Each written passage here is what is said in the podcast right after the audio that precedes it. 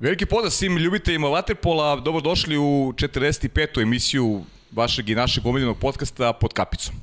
Uh, smo pauzu od dve nedelje, bilo je mnogo događaja u Waterpolu svetu, imali smo uh, finale, tačni finalni turnir Ligi šampiona koji je održan u Beogradu. Uh, Pro Reko je postao novi šampion Evrope, novi vladar Evrope i sve čestitke Pro Reku i sa, i sa ove strane, posebno Dušanu Mandiću, Aleksandru Ivoviću i Marku Bijaču sve čestitke i Vatrpolo klubu Novi Beograd na fenomenalnoj organizaciji. Ja sticam okolnosti nisam bio na bazenu, ali od svih ljudi koji su bili učesnici tog spektakla e, samo reči hvale, tako da eto i sa ovog mesta sve čestitke e, Vatrpolo klubu Novi Beograd. Nada se će ovo biti uvertira da ćemo naredne dve godine gledati sjajno takmičenje u e, glavnom gradu Srbije, da će pored Novog Beograda još neki srpski klub biti u prilici da se bori za e, najvažniji trofej u evropskoj konkurenciji. E, ono što je primetno, verujem odmah, ja sam tu kao neko najavljuje emisiju, nema Marine. Marina najverovatnije neće više biti deo ovog tima, ne zato što smo mi tako hteli, prosto okolnosti su e, takve, Marina koja je promenila posao i e, vidjet ćemo šta će se dešavati. Ima promil šansi, ja se nadam da, će, da ćemo ostati zajedno s obzirom da je onako ona jedan veliki profesionalac i neko koga svi volimo ovde u studiju, tako da eto vidjet ćemo šta će se dešavati. U svakom slučaju ukoliko ne bude Marine vidjet ću e, tokom e, narednog perioda ko će ovaj, zauzeti tu njenu poziciju, teško naći zamenu za Marinu, ali eto, potrudit ćemo se da to bude pravo rešenje pod uslovom da, da nje ne bude u narodnom periodu, a postavili ste mnogo pitanja gde je ona samim, tim, samim tim osustvom uh, sa Instagram profila i činjenicom da nije učestvovala u, u kreiranju emisije. E sad, prelazimo na taj deo koji je sigurno najlepši. Ovu emisiju posvećujemo Vaterpolu klubu Radnički iz Kragujevca koji je prvi put u istoriji došao do uh, titule šampiona Srbije. Posle tri sjajne meče Radnički je savladao ekipu Nove Beograda i zasluženo stigao do titule. Sa nama u studiju je Nikola Tomašević je sportski direktor i nekadašnji igrač ovog kluba i i mnogih drugih klubova, pričat ćemo o tome, ali za početak Nikola dobrodošao u naš studiju i kaži mi kako se osjećaš u ovom našem mini raju. Dobar dan, bolje vas našao. Velik, stvarno, prvo, kažem, velika mi je čast i zadovoljstvo što sam došao kod vas u emisiju, jer stvarno mislim da radite jednu vrhunsku stvar za o, ovaj naš sport. Ovaj, mnogo je lijepo u studiju baš za fine osjećam i nadam se da ćemo uživati u ovom razgovoru. Hvala ti Nikola na, na lepim rečima, pa ajde za, za početak da malo opustimo atmosferu. Reci mi, si, i si dobro, znam da je, da je slavlje potrebalo, ovaj, kako, kako se osjećaš posle napadnog slavlja? pa dobro, pa ste kaže, teže je slaviti, čini mi se, nego, nego osvojiti. Trajalo je par dana, ali eto, vratili smo se u neki normalan režim rada i sve kako treba. Dobro, dobro. Ovaj, kaži mi ovako, za početak, ajde kada, kada govorimo o radničkom, da li si očekivao titulu? Kako sada gledaš na taj period formiranja ekipe i sam si iz bazena uskočio u, u, u fotelju, praktično?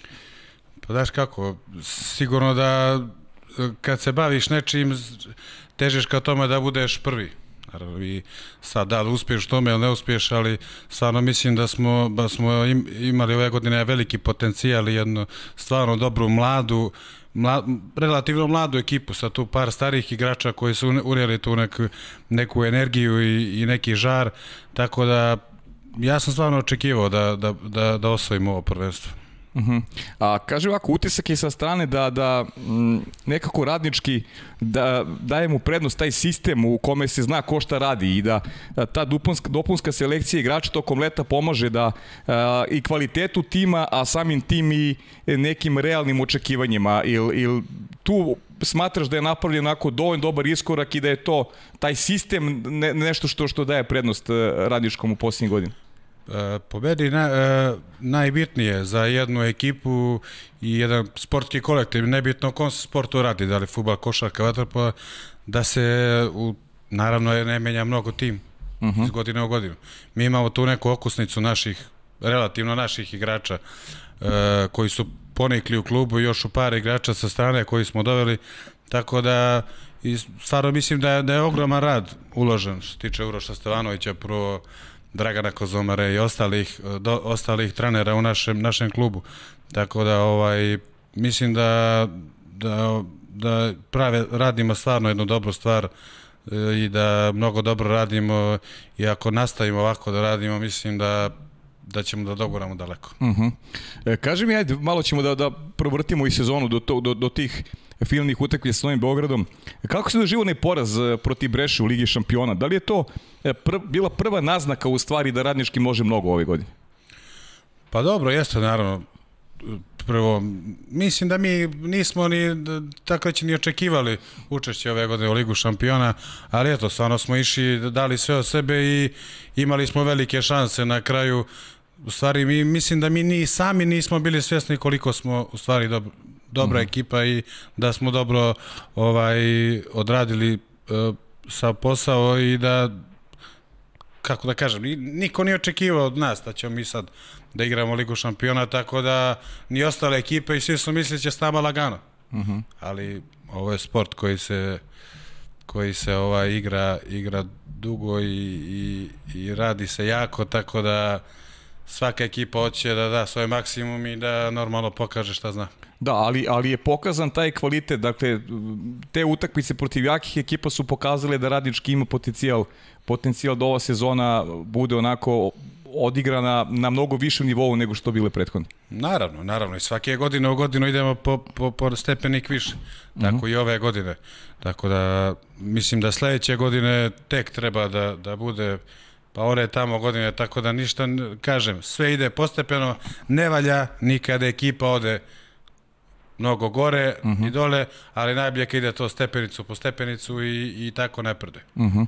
A kaži onaj poraz od Zvezde u, u finalu kupa, e, šok ili otrežnjenje? Ili jedno i drugo? Šta je, šta je tu, šta je tu dogodilo? Slovili ste za favorita posle one pobede nad Novim Beogradom u polufinalu? E, pa u tom momentu mislim da smo mi njih pocedili. Uh -huh. Momci su mislili da ćemo mi, da je finale finale ova utakmica sa, sa, sa Novim Beogradom, sa, da, Novim Beogradom. I mislili su, a dobili smo Novi Beograd, sad ćemo Zvezdu lagano, mi smo bolji od njih. Zvezda ipak jedna is, ekipa iskusna koja ima par vrhunskih igrača. Uh mhm. -huh.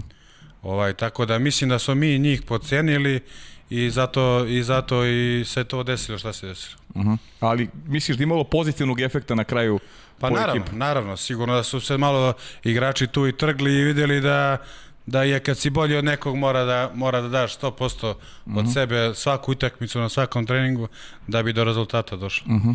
e, ova sezona je Nikola bila turbulentna i zbog koronavirusa. Čini se da ste u tom pogledu uh, vi u radničkom dobro prošli kad, kad, se, kad su se beru sve okolnosti čime su suočavali drugi klubovi. Uh, prepostavljam da je tu zdrav život, zdrav, zdrav ambijent pomogao da se negde momci sačuvaju, da, da, budu, da budu manje više zdravi u tim nekim najvažnijim utakmicama. Pa jeste, sigurno. Stvarno imali smo, imali smo velike sreće. Mislim, Uh -huh. Bilo to igrača koji su imali taj koronavirus, ali niko od njih nije imao neki teži slučaj, čak se dešavalo i da treniraju da ne znaju u početku uh -huh. i da se ispostavi na kraju da su imali, a da nisu znali, ali stvarno mislim da smo imali dosta sreće da, da nismo imali nekih velikih problema e, što se tiče bolesti igrača. Uh -huh. Ajmo da, da razbijemo malo ovu, ovu priču o radničkom, da čujemo jedno pitanje, jedno video pitanje. Pozdrav svima u studiju i pozdrav Nikola. Imam dva pitanja za tebe. Prvo je da nam kažeš e, koja ti funkcija više odgovara, kao direktor ili kao igrač i zbog čega. A drugo pitanje je da nam opišeš e, jedan tvoj trening u teretani. Pozdrav. Ja, Lazo, Lazo. Šaljivđija stara. ovaj, Pa nijedan posao nije lak, tako da... tako da nije lako ni igrati, nije lako ni imati neku funkciju. Šalu na stranu. E, kad igraš, tvoje dođeš, odradiš trening, završiš, odmaraš, a ovo moraš ti, ja moram da, što kada da mislim i za lazu, i za ovog, i za onog. tako da, mnogo je lakše da se igra, a po, i sve to nosi neke lijepe strane ovo i, i posao u klubu i, igrač, i igračke te godine, tako da meni je lijepo stvarno bilo i tamo je vamo, ali ovaj, ljepše mi je sad. Lepše sad, dobro. A taj trening?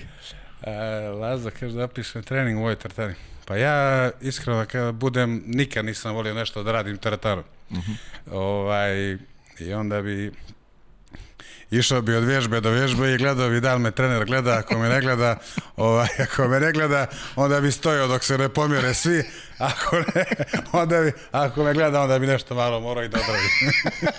Pošteno. Pošteno. Biće još pitanja do kraja ovaj, tvojih kolega ili sada igrača kojima si, kojima si direktor.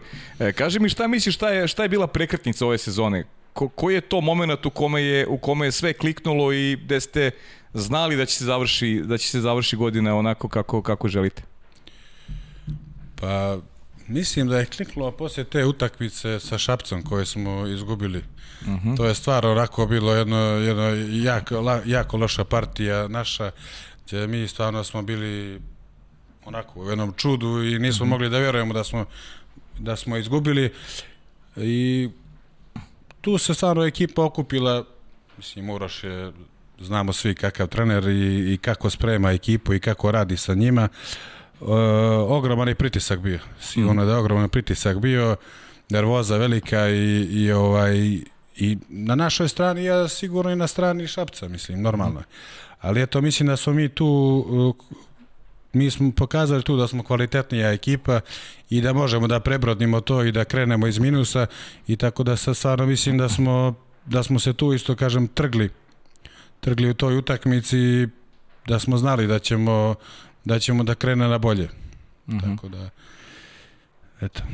E, kaži mi Jadranska liga, taj taj finalni turnir onako iz, iz snova, bukvalno a, mladostiju koji su pali u Zagrebu u dva dana, a, da li postoji neko ko je, koji je očekivao da, da možete napraviti tako nešto? Pa ne mogu sada da kažem da smo, da smo kao jeste li znali i pitaju me jeste li očekivali. Pa naravno, to sam pričao malo prije. Naravno da kad se nečim baviš, mnogo vremena ulažeš u, u trening, u rad, naravno da očekuješ da budeš prvi. Sad, e, tako da smo i mi naravno priželjkivali to jednog dana, ali mislim da je to došlo dosta ranije nego što smo mi uh -huh. i sami očekivali da će se desiti. Kako pamtiš Zagreb sada posle svega? Ima li neka anegdota, nešto ćeš zauvek da pamtiš? Ima dosta neki stvari, ali ovaj, dosta nije ni za priču. Dobro, okej. Okay. ali stvarno, stvarno, to je bila jedan stvarno predivan turnir koji smo mi stvarno -hmm. odigrali na jednom vrhunskom nivou i da stvarno su momci oduševili sve, kao i sve ljudi koji su me zvali, mislim, koliko me ljudi zvala čestita, tek sam onda video u stvari koliko ljudi prati i koliki je značaj i, i, mm -hmm. i koji je uspjeh napravljen. E, ne samo za grad Kragujevac, nego za, za cijelu Srbiju i srpski vatr. E, misliš da, eto, sam si rekao koliko je ljudi zvalo, znači regionalna liga apsolutno ima efekat uh, postojanja, jer odmeravaš snage s najboljim klubovima iz regiona, popuno ako jedna drugačija dimenzija, pošto se mnogo polemiša oko toga za i protiv. Kakav je tvoj stav vezan za regionalnu ligu? Ja sam uvijek, ja sam, ja sam uvijek bio i uvijek ću da budem za igranje te lige. Uh -huh. Jer stvarno mislim da donosi dosta toga. Pogotovo za te mlade igrače koji tek dolaze, da odu malo u Split, da odigraju, pa da vide tamo kakva bude tenzija, kako, kakve sve utakmice mogu da budu. Uh -huh. A ova tu po Srbiji samo se igra, mislim, naravno sad će da bude naša liga Jest. mnogo jaka, ali stvarno mislim za mlade igrače ta putovanja, druženja, da samo dobro mogu da donesu i, i, napredak veliki za njih. Uh -huh. Kaži mi, da li ste posle Zagreba osetili onako jedan teret koja mi je generalno Vatrpol javno stavljala na pleće? Svi su vas redom proglašavali za favorita. Koliko je to breme favorita bilo teško, pogotovo što radnički nikada pre nije bio šampion? Pa jeste, da, jeste, do, do, kažu, to već par godina smo na korak bili te osvajanje, eto, mislim, najveću šansu, mislim, smo imali prošle godine stvarno smo imali finu ekipu i, uh -huh. i igrali smo dobro i bili smo onako jedan baš kvalitetan kolektiv. Ovaj tako da mislim da ovaj da da je nije, nije ovaj nije ne bio neki teret naravno, ali mislim da je taj da smo ove godine stvarno veliki uspjeh napravili s tim i da eto malo sam se nešto uh -huh. malo sam odlutao. Da, neka si. Slušaj, ovaj E, mene sad zanima taj, taj šabac. Taj šabac me zanima e, zato što je onako izgubljena utakmica koja je onako bila u klackalici. Neko igraš na domaćem terenu, to polufinale. E, pričao si o tom važnosti momenta. Šta se to dogodilo u, u, u slačionici? A možeš malo da prepričaš nešto, šta, šta se to dogodilo da je ekipa, uh, da je ekipa se, da se vrati na pravi kolosek i da odigra onako jednu tvrdu utakmicu, ono u Šabcu utakmice je baš bila što se kaže pitanje života o smrti. I mislim da je i Šabac tu uložio onako najveće napore e, da tu utakmicu dobije, imam utisak kao da su znali da im je to šansa da se plasiraju u finali onda smo gledali jedan onako čvrst takmičarski duel koji je možda bio i, i kada kažem prekretnica u play-offu.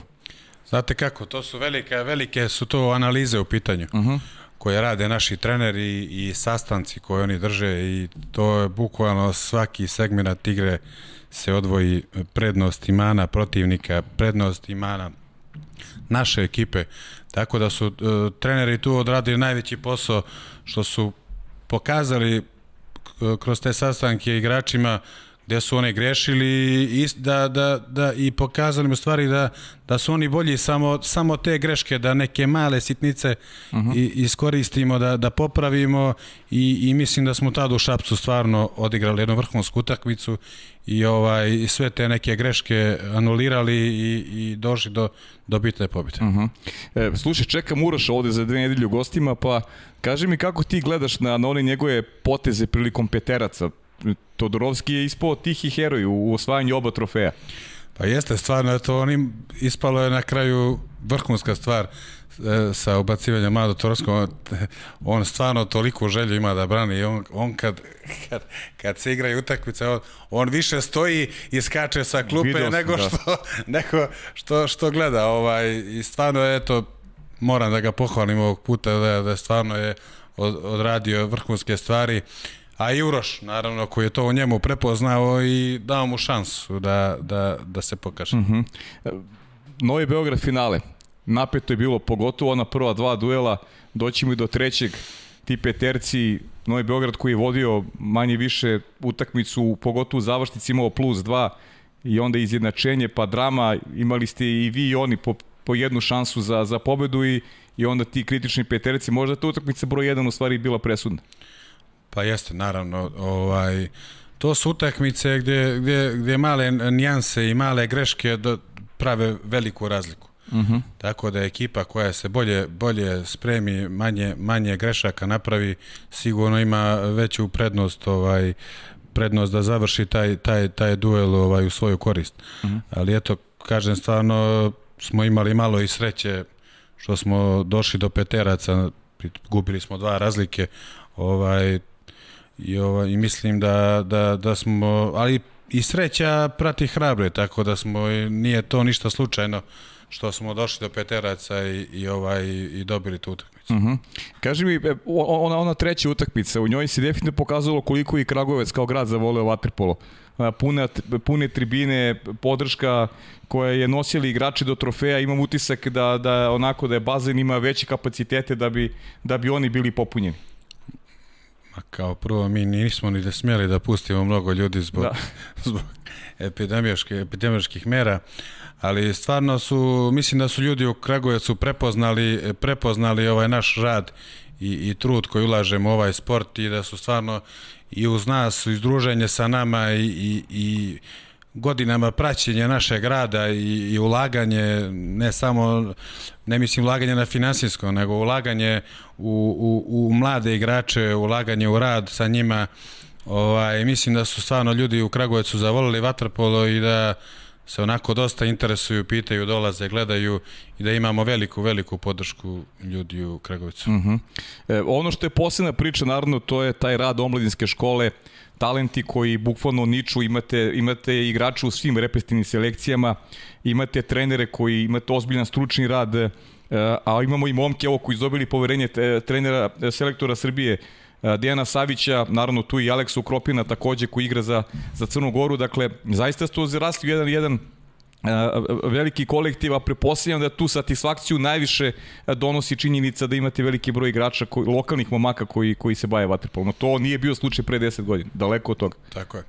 Znate kako, u današnjem vremenu je e, mnogo teško animirati decu za neki sport. Uh mhm. -huh. U svijetu ovih igrica danas, kompjutera, mnogo je teško ovaj skrenuti deci pažnju i da, da ih nešto zaintrigira da dođu da treniraju. Mislim, i, ima tu, ne kažem ja, dosta dece dolazi, ali dosta tih nekih stvari njih odlači što, na primjer, moju generaciju, generaciju ispred mene, iza mene nije dovoljno. I u našim godinama nismo imali tolike izbore igrica i ovih danas društvenih mreža, tako da mislim da stvarno radimo jednu vrhunsku stvar i imamo dobre trenere, radi se ozbiljno i ukoliko, ukoliko nastavimo ovim kontinuitetom da radimo, mislim da, da smo stvarno na dobrom putu da, da, da jednog dana i samo od naših igrača iz, iz Kragovica možemo da, da imamo jedan vrlo jako kvalitetan tim. Da, to su, to su zaista sjajni planovi, a ajmo kada već pričamo, kad pričamo već o gradu Kragujevcu i ljudima koji zavoli vaterpolo, da, da mi kaže eto s ovog mesta, ko, ko, ko su ti ljudi koji najviše pomažu klubu, da istaknemo i taj deo priče, one, oni koji se možda ne vide, a utkali su sebe u, u ovu savršenu sezonu. E, znate kako, naj, sigurno naj, najveće zasluge nosi opština Kragovac. Uh mhm. -huh. Ona je skoro sav budžet, kru, e, sav budžet kluba je od gradskog budžeta, tako da je, mislim, to je najveću ulogu odigrao gospodin Nikolić, bivši gradonačelnik mm. Kragovica, koji je tad podržao Jugoslava, koji je kad se klub ugasio, onaj stari Jugoslav rekao da će da rade, da ga on tad nije podržao i stav uz njega sa, sa nekim ovaj e, sa nekim pomoćima od grada, tad mi sad ne bi sedali zajedno i ne bi, ne bi, ne bi ovaj pričali o našim uspesima. Uh mhm. -huh. Ali eto, i naravno, sadašnji gradonačelnik, gospodin Dašić, ima velike zasluge i, i, što, smo, što smo mi danas gde jesmo. Uh mhm. -huh. E, kaži mi šta su planovi za narednu sezonu? Možda nam otkriš u emisiji e, šta ste do sada uradili kad je u pitanju igrački kadar, ako to nije tajna? Pa da, dolazi do malih, malih nekih promjena, mislim ne malih, ne mogu kaže malih, odlazi nam Strahinja Rašović u Novi Beograd, ovaj, jedan veliki, veliki gubitak za nas. E, Strahinja je jedan vrhunski igrač, vrhunski čovjek i, i, i sportista, tako da mi je jako, jako krivo što smo ostali bez njega, ali eto, ta ponuda koju on ima od Novog Beograda, mi, mi nismo mogli da pariramo i mi smo mu sami rekli o stvari Jugoslav idi da. to je to ovaj a o, o pojačanjima evo trenutno smo popisali Ćuka Miloš Ćuk, da, Miloš Ćuk je došao iz Novog Beograda u pregovorima smo sa, sa, sa centrom Hrvatskim Vrlićem tako da ima tu još nekih uh mhm. -huh. nekih igrača ali Ne bi sad o tome. Ok. E, kaži mi koliko je realan pohod na evropsku krunu? To ja znam, znam da je to san i da je to neki onako e, cilj koji ste, koji ste sebi zacrtali, e, posebno sada u konkurenciji Novog Beograda koji je izvanično saopštio sastav za narodnu godinu, to ja ne pati kad je možda iz one, iz one ere Crvene zvezde kad je poslije put bilo prvak Europe, mislim da u Srbiji nije bilo, nije bilo jačeg sastava, makar po imenima. E, da, stvarno ekipa Novog Beograda, ovo što sam vidio, e, ova pojačanja su stvarno na svakoj poziciji ili najbolji ili jedan od najboljih na svetu. Tako da stvarno svaka im čast ovaj, kako su odradili o, za ekipu za sledeću godinu.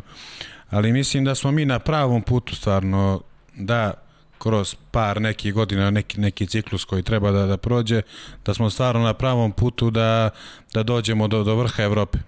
Ne kažem da, ne, nije to problem ni novaca. Evo i gledam, imamo priliku da gledamo sad Pro Reko koji zadnjih 15 godina najviše ulaže, od svake godine najviše ulaže, pa zadnjih 6 godina, koliko 5 ili 6 no, godina. 2015. nisu bili Nisu bili prvaci, a svake godine su ulagali sve više i više. Znači nije tu stvari novaca, ima tu mnogo nekih, dugačka je sezona, ima tu mnogo vremena da se, da se dosta stvari promijeni. Mhm. Jel, vidiš radički u Ligi šampiona naredne godine? Pa ja se nadam da, da ćemo igrati, igrati. -huh. Ligu šampiona.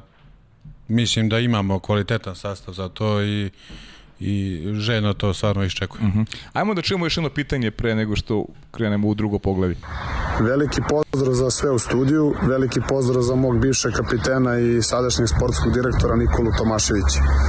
Postavio bih mu dva pitanja. E, Prvo, osvrnuo bih se na prošlu sezonu, njegovu poslednju igračku u klubu i na radu teretani, gde smo ga mi ostali saigrači izrezali kako mu je majica uvek suva i kako miriše kao da je izašao iz parfimerije. Pa bih volao malo o tome da prodiskutuje. A drugo pitanje je, s obzirom da obavlja funkciju sportskog direktora, da nije više igrač, koliko kafanski život ispašta zbog toga, pošto znamo da je bio veliki bojem tokom igračke karijere i da je volao da uživa u noćnom životu. Veliki pozdrav.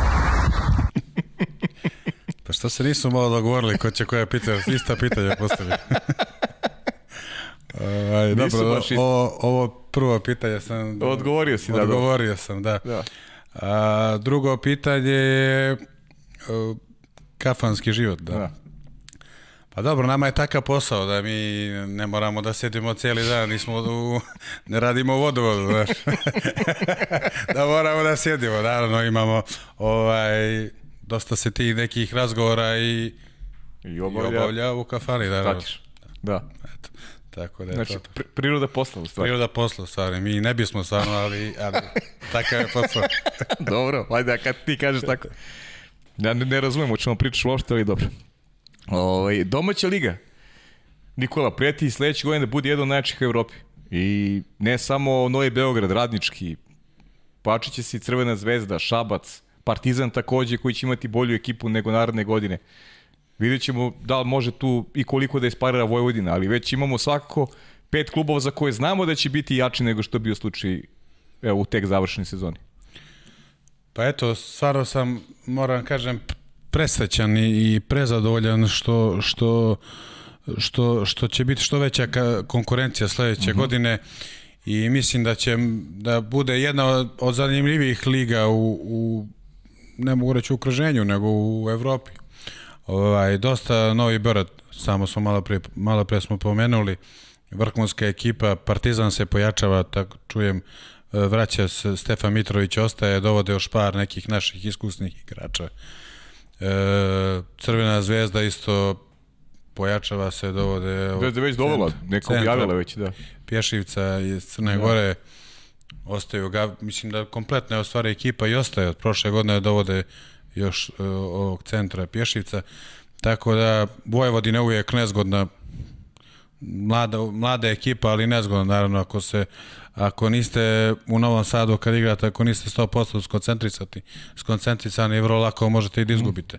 Ne samo mi, nego bilo koja ekipa. Tako da nikom neće biti Šabac, Šabac isto sigurno će da, da, da, da napravi dob, dobru i konkurentnu ekipu. Tako da mislim da nikome neće biti lako da, da, da sledeće godine osvoji šampionat. Biće, biće ozbiljna trka. E, kaži mi, si gledao ovu ligu šampiona, kako te ocenjuješ e, kvalitet vaterpola? E, pa iskreno da kažem, nisam baš u potpunosti mogao da ispratim sve utakmice, ovaj, ali dosta me, dosta me, mogu da kažem, buni te neke, da kažem, t, s- malo što sam pogledao to sudijske odluke neke i, i ta, u tim nekim novim pravilima gde se dosta sudija i ne, ne, ne snalazi dobro, pa jedni kažu pa ovo treba suditi ovako, ovi kažu treba suditi onako, Mislim, kad me neko sa strane pita je li ovo nije, je li nije, šta je da objasnim, ja stvarno ne znam da nekad nije da kažem da, da li su u pravu ili nisu. Aj, pokonkretizuj malo, da, da, na, na, šta, na, šta, na šta konkretno misliš? Pa konkretno mislim na taj peterac e, i sviranje peteraca. E, nekad sviraju, pe, e, mislim da po pravilima je kad si u, u, u liniji stative posljednji igrač e, u, u ova ispred gola, ne smije niko da te takne, ako te takne onda je peterac, ali nekad se desi da malo sa strane, van stative kreneš da u taj neki ulaz i da, i da opet tu sude peterac. Tako da ima tu neki dosta nejasnoća mislim, ljudima koji nisu baš u tom, uh -huh. kad gledaju, prosti, nije im, nije, im, nije im baš jasno šta se sudi. Da, da, a to je to jeste cilj da da pojednostaviš ljudima koji nisu do kraja u materiji, da ih da ih zainteresuješ za sport, tako da. Tako je, tako je, nisu svi u tom sportu da mogu da, da, da baš znaju. Uh -huh. Ali eto, mislim da dosta se tih pravila promijenilo i mislim da će s vremenom sad to da dođe sve na svoje i da, i da se ovaj da dosta se da bude lakše ljudima da prate. Mhm. Pro rekao, misliš da je to Pa mislim da da bilo? zasluženo i očekivano i mislim ljudi su stvarno zaslužili to. Mhm. E, aj sad pre nego što pređemo na tvoju karijeru, još samo da mi kažeš prognozu za Tokio. Kako vidiš? Kako vidiš olimpijske igre ove godine? Dosta turbulentne dve godine iza nas zbog koronavirusa. Koliko Srbiji pomaže to što se nije igralo prošle godine ili odmaže? Kako vidiš celu priču ostalom? Kako vidiš kandidate? E, znate kako, ovim igračima koji su već završavaju karijeru, sigurno ovo nije lep, e, palo dobro i nije, nije im prijalo da se odužilo, taj, odužilo se taj ciklus za godinu dana, tako da su bili svi već spremni da ovo, ovoj sezoni završe tu reprezentativnu karijeru. Posvete se naravno drugim stvarima ili da odigraju još ili prestanu, ali nije, nije ni malo lako za te, za te starije igrače. Ali mislim da su mm, konkretno naša reprezentacija momci stvarno željni igre i željni željni da odbrane te ovaj e, olimpijske medalje tako da im želim puno sreće i, i mislim da ćemo da će uspiju u tome. E, ajmo sada Nikola da pređemo na tvoju karijeru.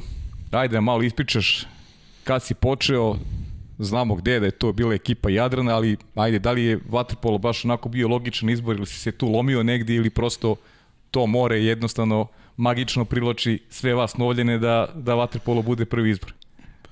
Ja sam ovaj prvo počeo da treniram košarku. Je li tako? Da, da. To je bio ovaj škola košarke u osnovnoj školi Milan Vuković uh -huh. na Savini naselju Hercegovini u kojem sam ja živio. E, trener je bio tad profesor fizičkog Milan Dabović, otac e, od Milice Jane Dabović. Ana je moja školska drugarica, išli smo zajedno u školu i tako smo i počeli košarku. Da. Da stvarno mi nije jasno kako nisam uspio, sam stvarno bio građen kao Nikola Jokić, ono kad sam bio mlađi. Sad kad gledam njega i, ovaj, i vidim te neke moje slike, dosta sam slično snimao. Pa ni meni nije jasno stvarno. A nešto sam malo trenirao, ali video sam da nisam baš talentovan za te kopnene sportove. Aha. I onda naravno, mislim, jako sam bio nestašan kad sam bio mali. Uh -huh. e, ovaj, nisu roditelji znali kako da, da, da mi izbiju tu energiju iz mene i onda su me e, poslije košarke odveli na vaterpolo i kao i većina, većina, većina novljana. Znači, malo je, malo je uh, dece iz Hercegovina koje su ovaj, u barem u nekom periodu nisu bale, barem trenirali plivanje, pa da ne kažem i vaterpolo kasnije, Aha. ali sigurno u nekom, u nekom tom periodu je ovaj svako od nas građana pošao vaterpolo.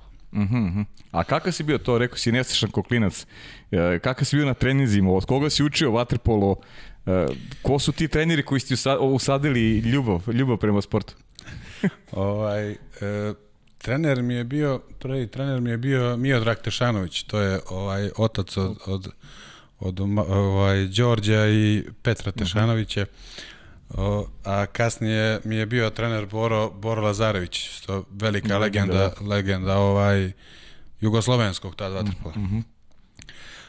Tad Jadran nije, nije, nije toliko, ne mogu, nije toliko ovaj ulaga u te mlađe kategorije kao danas što se, što se radi. Mislim, nije toliko kvalitetno, kvalitetan rad bio u tim mlađim kategorijama, uh, nije se dovoljno pažnje posvećivalo tim mlađim igračima. Mislim, odnosno pričam na danas. Danas je Jadran uh, sigurno u tri škole uh, omladinske u Evropi. Uh -huh. Ali tad u tom periodu to je bilo ono, bazen na škveru, stari onaj bazen, slana voda, treniranje ljeti, to je pa plivaš po onom suncu, pa onda one travke što, što idu pa te pecne za vrat. mislim sad ovo kad gledam ovaj bazen, ono, kada mislim se blago vama djeca gdje trenirate, šta smo mi sve prolazili. a čekaj, a, a zimi? A zimi smo u institutu, institutu da. da, da, kao mm -hmm. i što se danas igra. Mm -hmm. A dobro, aj kaži mi malo to, kako si, kako si reagovao na treninge, s obzirom da si sam rekao da recimo teretan nisi volao, kako si u mladosti si? Jer se trenirao dva put dnevno kao što je... Naravno, naravno, Jeste? tokom, po, po, tokom letnjeg perioda se treniralo dva put dnevno. Uh -huh. Sigurno da nije bilo lako, nije bilo lako, na primjer, tada jedan dečko, de, dečaku od deseta godina da ide dva put dnevno na trening u letnjem periodu. E, primjer vam dajem, ja živim na šetalištu i, i, i svi moji drugovi su cijeli dan na plaži, kupaju se, igraju se, a ja ujutru krenem na, na trening biciklom i onda prolazim pored plaže, oni igraju one kockice, kako se zvala, ono, ti je gledaš i nastaviš da, ali, ali eto, to je neki stvarno put koji sam prošao i mnogo mi je, mnogo, mnogo mi je drago i mnogo sam ponosan na to što sam rođen u Herceg Novom i što sam igrao tamo. Uh -huh. A kaži mi, zašto centar? To je bilo jedno pitanje od gledalaca. Ko je, ko je to odlučio ili možda... Pa dobro, bio sam dosta krupniji od, od, uh -huh. od, od svih u mojoj generaciji, baš sam odskakao sam, ono, za pola glave sam bio veći od svih i onda, -huh. šta ćeš, jak si, ajde ti na dva. Uh -huh. Kaži mi, koja je to generacija Jadrana sa kojom si ti rastao? Ta neka tvoja generacija? Pa malo je, i- eto, ima baš ovaj Đorđe Tešanović, on je, uh -huh. on je, ovaj, da kažem, jedini možda iz te generacije koji, koji danas igra, on igra u Grčkoj, a ovo drugo su sve neki momci koji su kasnije i, i, i prestali, prestali da, da se bave vaterpolom i ne, ili ne toliko ozbiljno. E, ovaj, dobro, Andrija je tu dvije godine stariji Leka, uh -huh. oni, su, oni su malo ovaj, stariji od nas, ali ovo iz te moje generacije baš nije, nije, nije neko, niko se dugo zadržao u vaterpolu. Uh -huh. A kaži mi, sećaš se debija za, za prvi tim? Sa koliko godina se to odigralo, nekog prvog gola? Da li to, to... pamtiš onako? A to je sad ovaj ja sam kasnije ja u Jadra nisam zaigrao nikad za, nisam nije mi to prva prvi ovaj pr, utakmica u prvoj prvoj ekipi. Uh -huh. Ja sam sa sa 13 godina prešao u Partizan. Uh -huh. Uh -huh. E, moja sestra, imam sestru koja je starija od mene, uh -huh. ovaj 15 godina. Ona je živjela u Beogradu i završila završila fakultet, počela da radi. I tako su došle neke priče da, da su pričali sa mojim ocem da, da, da pređemo Partizan. Naravno, majka nije dala, da je ovaj, najmlađe djete ode, ali nekako smo to ovaj, uspjeli da, da, da prebrodimo. Ja sam prešao tad u Partizan, omladinski pogon Partizana. Tad, je, tad su bili stvarno Partizanova škola je tad bila jedna mislim, najjača, ne, ne, ne mogu reći jedna od, neko sigurno najjača u Evropi i svetu. Uh -huh. Tu su bili treneri Nebojša Novoselac, e, Darko Udovičić je tad bio trener e, e, Mita, bilo ne, Nenad Vasilovski Kole, čuveni. Uh -huh. Tako, stvarno je ta škola Partizana bila u tom momentu sami vrh. Uh -huh. I ovaj, tad sam kažem, u, u, igrao u tim mlađim svim selekcijama ovaj, Partizana i moj debi je bio u studentu. Da, Jer za student, filijalu. a, a da, ali student je u tom momentu uh, bio jedna stvarno dobra ekipa. Ti pogled, tu su igrali Đorđe Bašić, uh, Jovan, uh -huh. uh, Jovan Lakić, uh, Jovan Cakić, stvarno je tu bilo nekih igrača koji su ovaj braća Šaponjići su igrali ne mogu sad da, da nabrajam, ovaj, dosta, dosta, dosta dobrih i, igrača koji su kasnije i, i Mitar je igrao tad za student, tako da dosta igrača je tad bilo u, u, u studentu i tad smo i debitovali za student mi svi. A kako jedan, jedan 13-godišnjak koji koji napusti život koji je vodio onako more, drugačiji popun uslovi, dolaziš u Beograd i, i sa 13 godina gradiš, ti si dečak praktično i, i manje više počinješ nešto što je, što je, što je novo. Šta, kakva se tu proces odvio u glavi? Kako si se navikao na neki, na neki rad, na, na neko novo okruženje? Koliko ti je prijelo? Koliko ti je prijelo sve to, ta, ta promena? Pa mislim, prva, to, je, to je prvi razred srednje škole. Da. Ja sam u srednju školu došao tu mislim, poslije Herceg Novo koji ima dvije ulice i gdje i da se ko mali neđe izgubiš, neko će da te pozna i da te povede kući.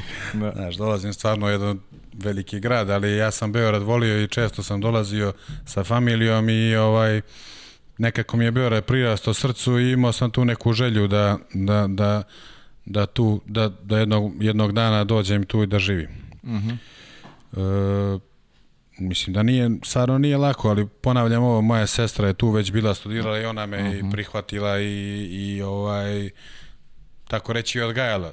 Mislim, uh -huh. tim nekim godinama ti si došao kao klinac, ona morala i da pazi na mene i, i i kad ću da dođem i kad ću da mislim, sva što se u tim godinama i dešavalo po gradu uh -huh. nije bilo nije bilo baš ovaj moralo se sve dobro kontrolisati. Uh -huh. Tako da Sestra me iskontrolisala. Sestra je iskontrolisala, da. znači da. Sestri, sestri hvala za, da, da. za karijeru. Da. A kaži mi, do kada je trajala ta prva epizoda s Partizanom, pošto si ti posle vraćao, koliko si, koliko si ostao i ka, po, po čemu je najviše pamtiš? Prepostavljam da si eto i tu, znači ti si počeo neke obrise koje igrača dobiješ u Herceg Novom, pa su onda došao si ovde, ajde mu kažem, neko usavršavanje. I dokle je, dokle je trajala ta, ta priča s Partizanom? Priča s Partizanom je trajala do, do, do, kraja, do 2009. godine, 8, o, 9. Uh -huh. Tad su centri bili Duško Pjetlović u naj, tad punom pogonu i, i ovaj i Korolija uh -huh. i već su bili centri. Ja sam tu bio praktički kao treći centar, ne bi imao nekog prostora uh -huh. mnogo da igram i tad u razgovoru sa, sa, sa upravom kluba ja sam pred, mislim došlo je poziv je došao iz Kotora tadašnjeg Kata, kluba Katara, to je novi klub napravljen ovaj, mhm. -huh. u Kotoru i gde su me oni pozvali tada ja, i onda u razgovoru sa, sa, sa klubom došli smo do zaključka da je bolje da idem negde da bi, da bi, da bi imao više prostora za igru tako da se ja tad celim u Kotor. Uh mhm. -huh. Celi su Kotor, vratiš se tada u, u, u Crnu Goru u vreme kad je pa ja mislim da u to vreme Liga Crnogorska liga bila najjača u Evropi sigurno sa, sa sjajnim Jadranom, sa Primorcem koje postoji prvak Evrope, Kataro ko je osvojio kup len i ujedno taj kup len to je i najvredniji trofej koji si ti osvojio u, u klubskoj karijeri. Tako je, tako je. Ovaj, e, prvo taj klub Kataro je porodica Vičević, Mirko Vičević je i osnivač tvog kluba i imali smo ovaj u tom momentu jedan gospodina iz Kotora koji je bio veliki zaljubljenik u vaterpolu i u sport i on je ulagao dosta novca tad u uložio dosta novca tad u klub u tom momentu dovodi Teja Đogaša, Aljoša Kunca, uh mhm. -huh. Žanetića, to su mom isplićani, Kunac, Kunac i Teo su te godine postali svjetski prvaci da, sa Hrvatskom. Da. da. Dolazi Gojko Pjetlović, e, dolazi uh, Đorđe Filipović, dosta tu nekih još, još igrača ovaj, u tom momentu vrhunskih. E, tako da mi je stvarno, stvarno Kotor bila jedna prekretnica za mene ovaj, u tom igračkom smislu gde sam dobio prostora da igram i, i, i mislim da sam to iskoristio najbolje moguće način. Kako pamtiš to finale Kupa Lena? A to je bilo druge godine, druge mm -hmm. godine, pa dobro, stvarno mi smo bili ta dobra ekipa, ovaj, uh, mislim da smo se prošetali ta do, do, do, do, do finala mm -hmm. I, i osvojili tako. Da, ali opet ta priča opet nije, to je nekako, čini mi se za ovo podneblje vrlo često, ti neki klubovi mladi koji se pojave da, da ne traju, ne traju dugo te priče i da nažalost je onako završavaju eto kao što je kao što je Kataro kao kao što je Kataro negde Pa nažalost, nažalost je tako, mislim i do jednog momenta u, te druge sezone je došao ovaj e, Varga da igra uh mhm. -huh. kod nas i Mile Smodlaka jedan pričali, pominjali su ga u dosta emisija da, jedan, kod tebe, jedan da. od sigurno najboljih centara na svijetu. Uh mhm. -huh. U tom momentu Ovaj, I negde pred kraj sezone, pred, pred, finale, pred, pred finale play-offa, desilo se da je vlasnik kluba, sponsor kluba ubijen i su nama rekli da od mhm. sutra svi možemo da idemo i to je kraj to klub. Mislim, nije kraj, dan danas oni igraju, ali... Da, na tom ne, nivou. Ne, na nivou, nivou koji da. je, da, da, da. Uh mhm. -huh. Kaži mi onda, posle Katara, šta se dešava? Ti je imaš taj, taj neki period i Beograd, Jadran, Herceg Novi, povratak u Novi gde, gde si u stvari napravio svoju najviše trofeja sa jednim klubom. Pričamo o domaćim trofejima, tada je Jadran bio, da kažem, dominantan na, u, u, u Crnoj Gori. E, tad sam ja opet nešto gledao da se da se domognem Beograd. Aha.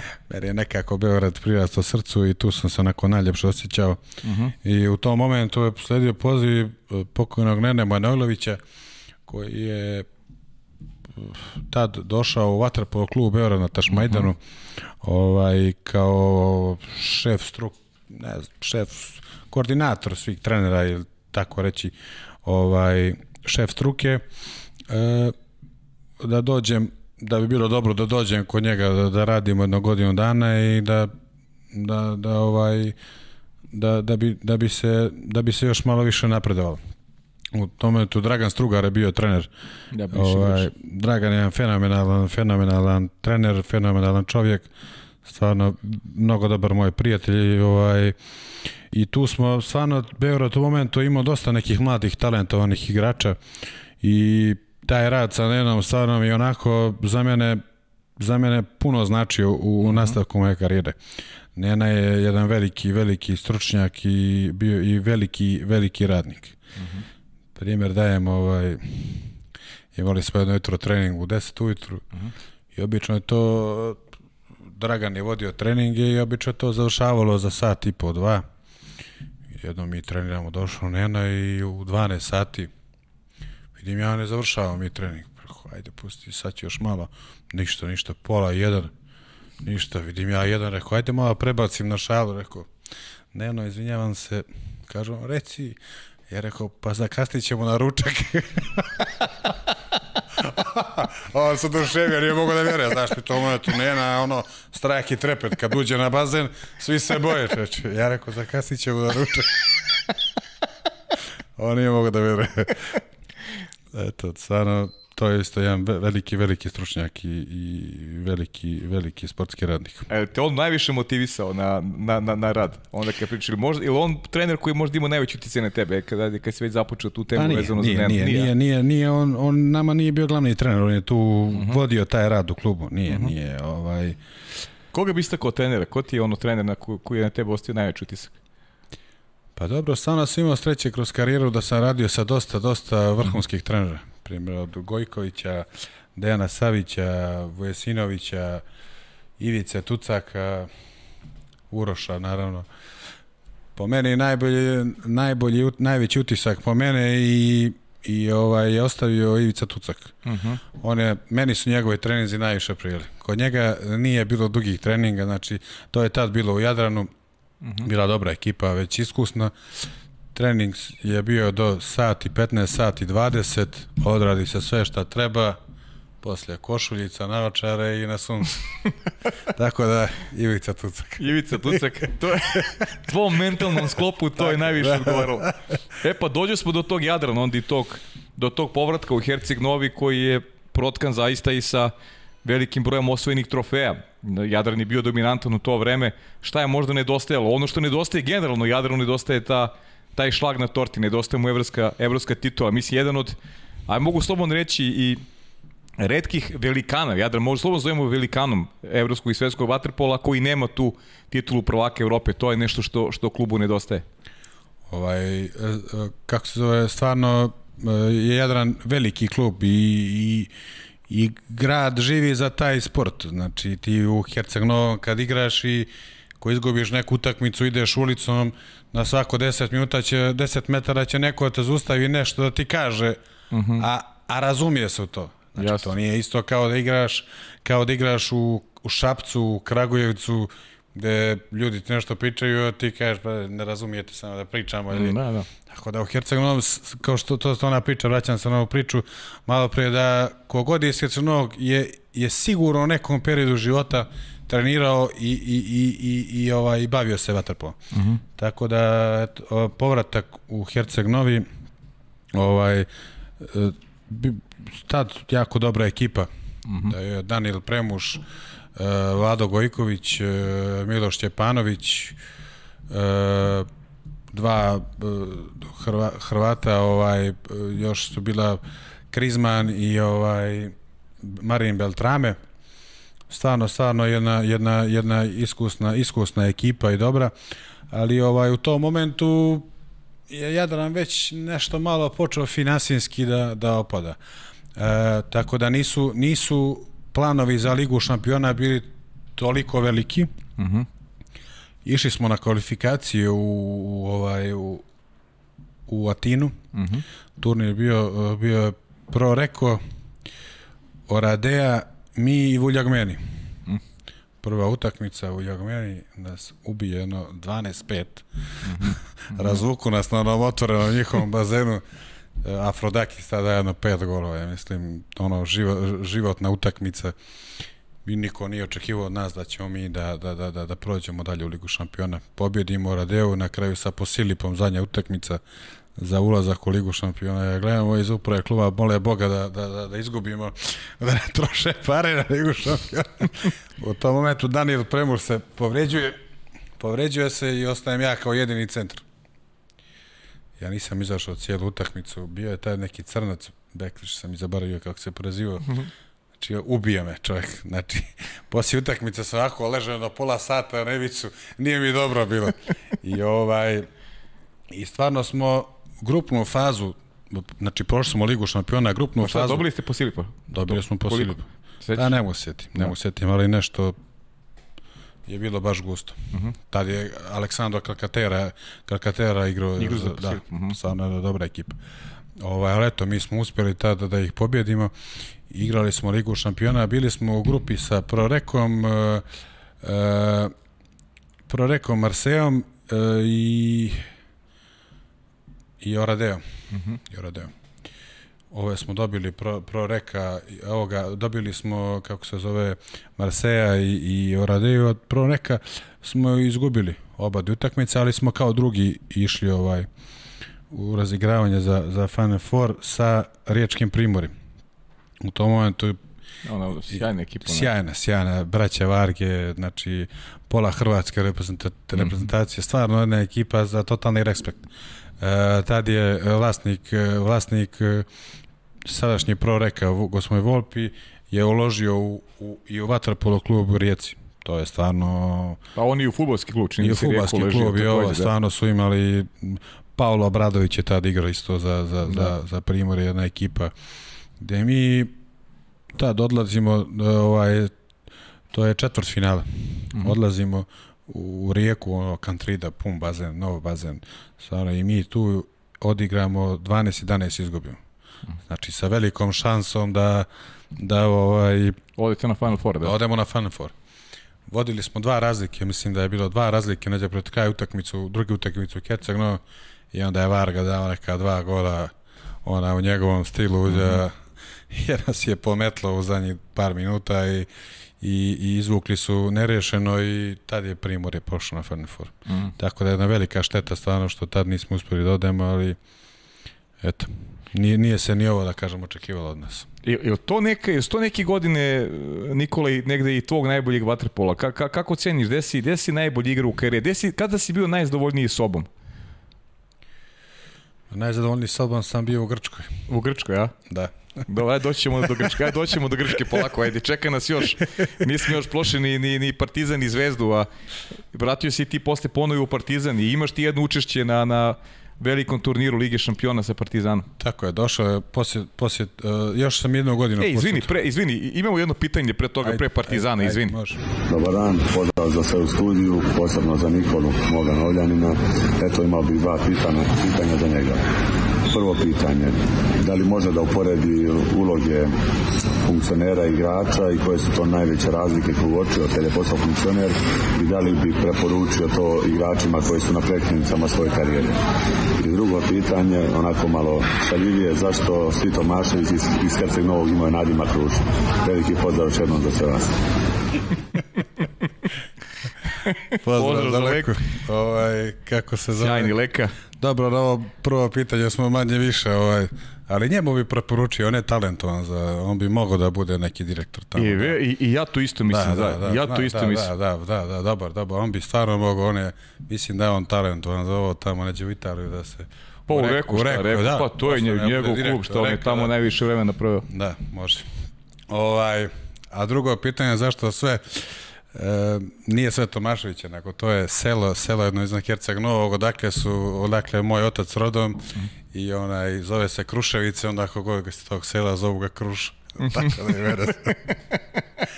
A to je mnogo bolje selo nego ovo njegovo, on je sa obala. Slušat će ovo, pa imat će on komentar na ovo, siguran sam. E pa dobro, e sad možemo na taj Partizan i, i na taj povratak u Partizan i eto igrao si, igrao si u karijeri eto, na najvećem turniru Lige šampiona, pa aj malo piši šta se tu sve dešavalo ekipu i kakav je, kakav je osjećaj bio. Po čemu ti pamtiš te, te, te godine u Partizanu, te, te, te dobre godine kada si već kao afirmisan igrač se vratio na banjicu? Pa ovaj, eto, kažem, ja sam poslije uh, ovaj, o- ostao još jednu sezonu u Jadran da odigram. Tad se stvarno ekipa tad Jadrana podmladila dosta. Vlado Gojković je došao da, da, da bude trener.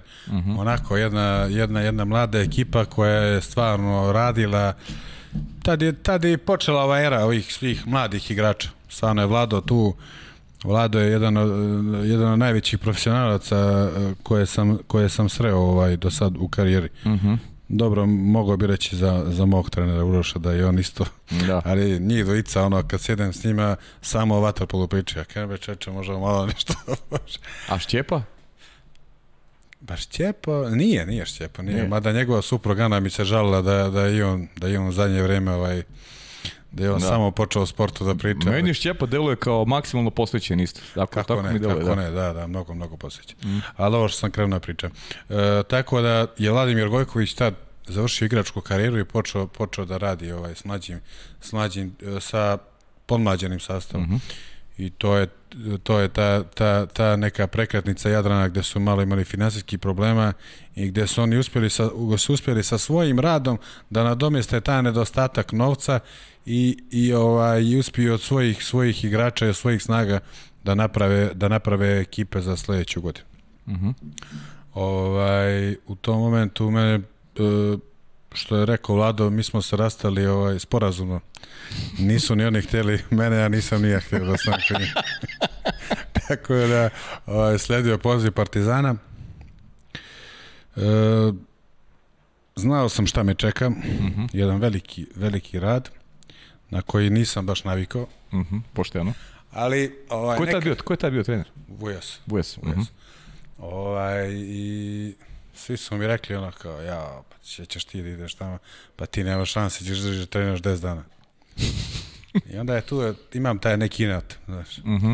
I onda je poradio taj inat u meni, ja sam rekao, dobro, aj sad ćemo da vidimo.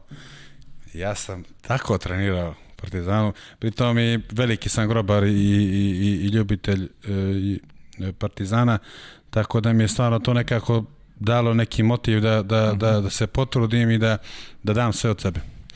To su bili pakleni, pakleni trenisi. Znači, to je bilo teretana sat i po, dva ujutru, posle toga minimum dva sata bazen, uveče dva sata bazen. Znači, ja dođem kući posle treninga, ne znam ili treba da ručam ili treba da spavam ili, ili, ili opet idem na trening, to je katastrofa bilo. Mm -hmm.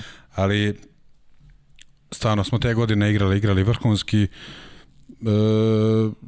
mislim, kad, kad je takav jedan rad i, i radi se stvarno kvalitetno i, i dobro, onda rezultat sam po sebi mora doći. Nekako, mm -hmm. nekako je to, ovaj, ima veze jedno s drugim, sigurno. Da, mm -hmm.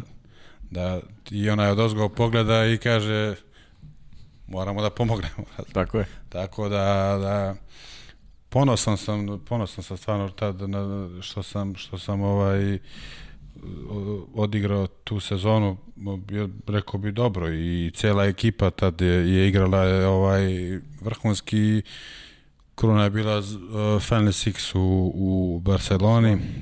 I, Bez... i, jedna velika pobeda.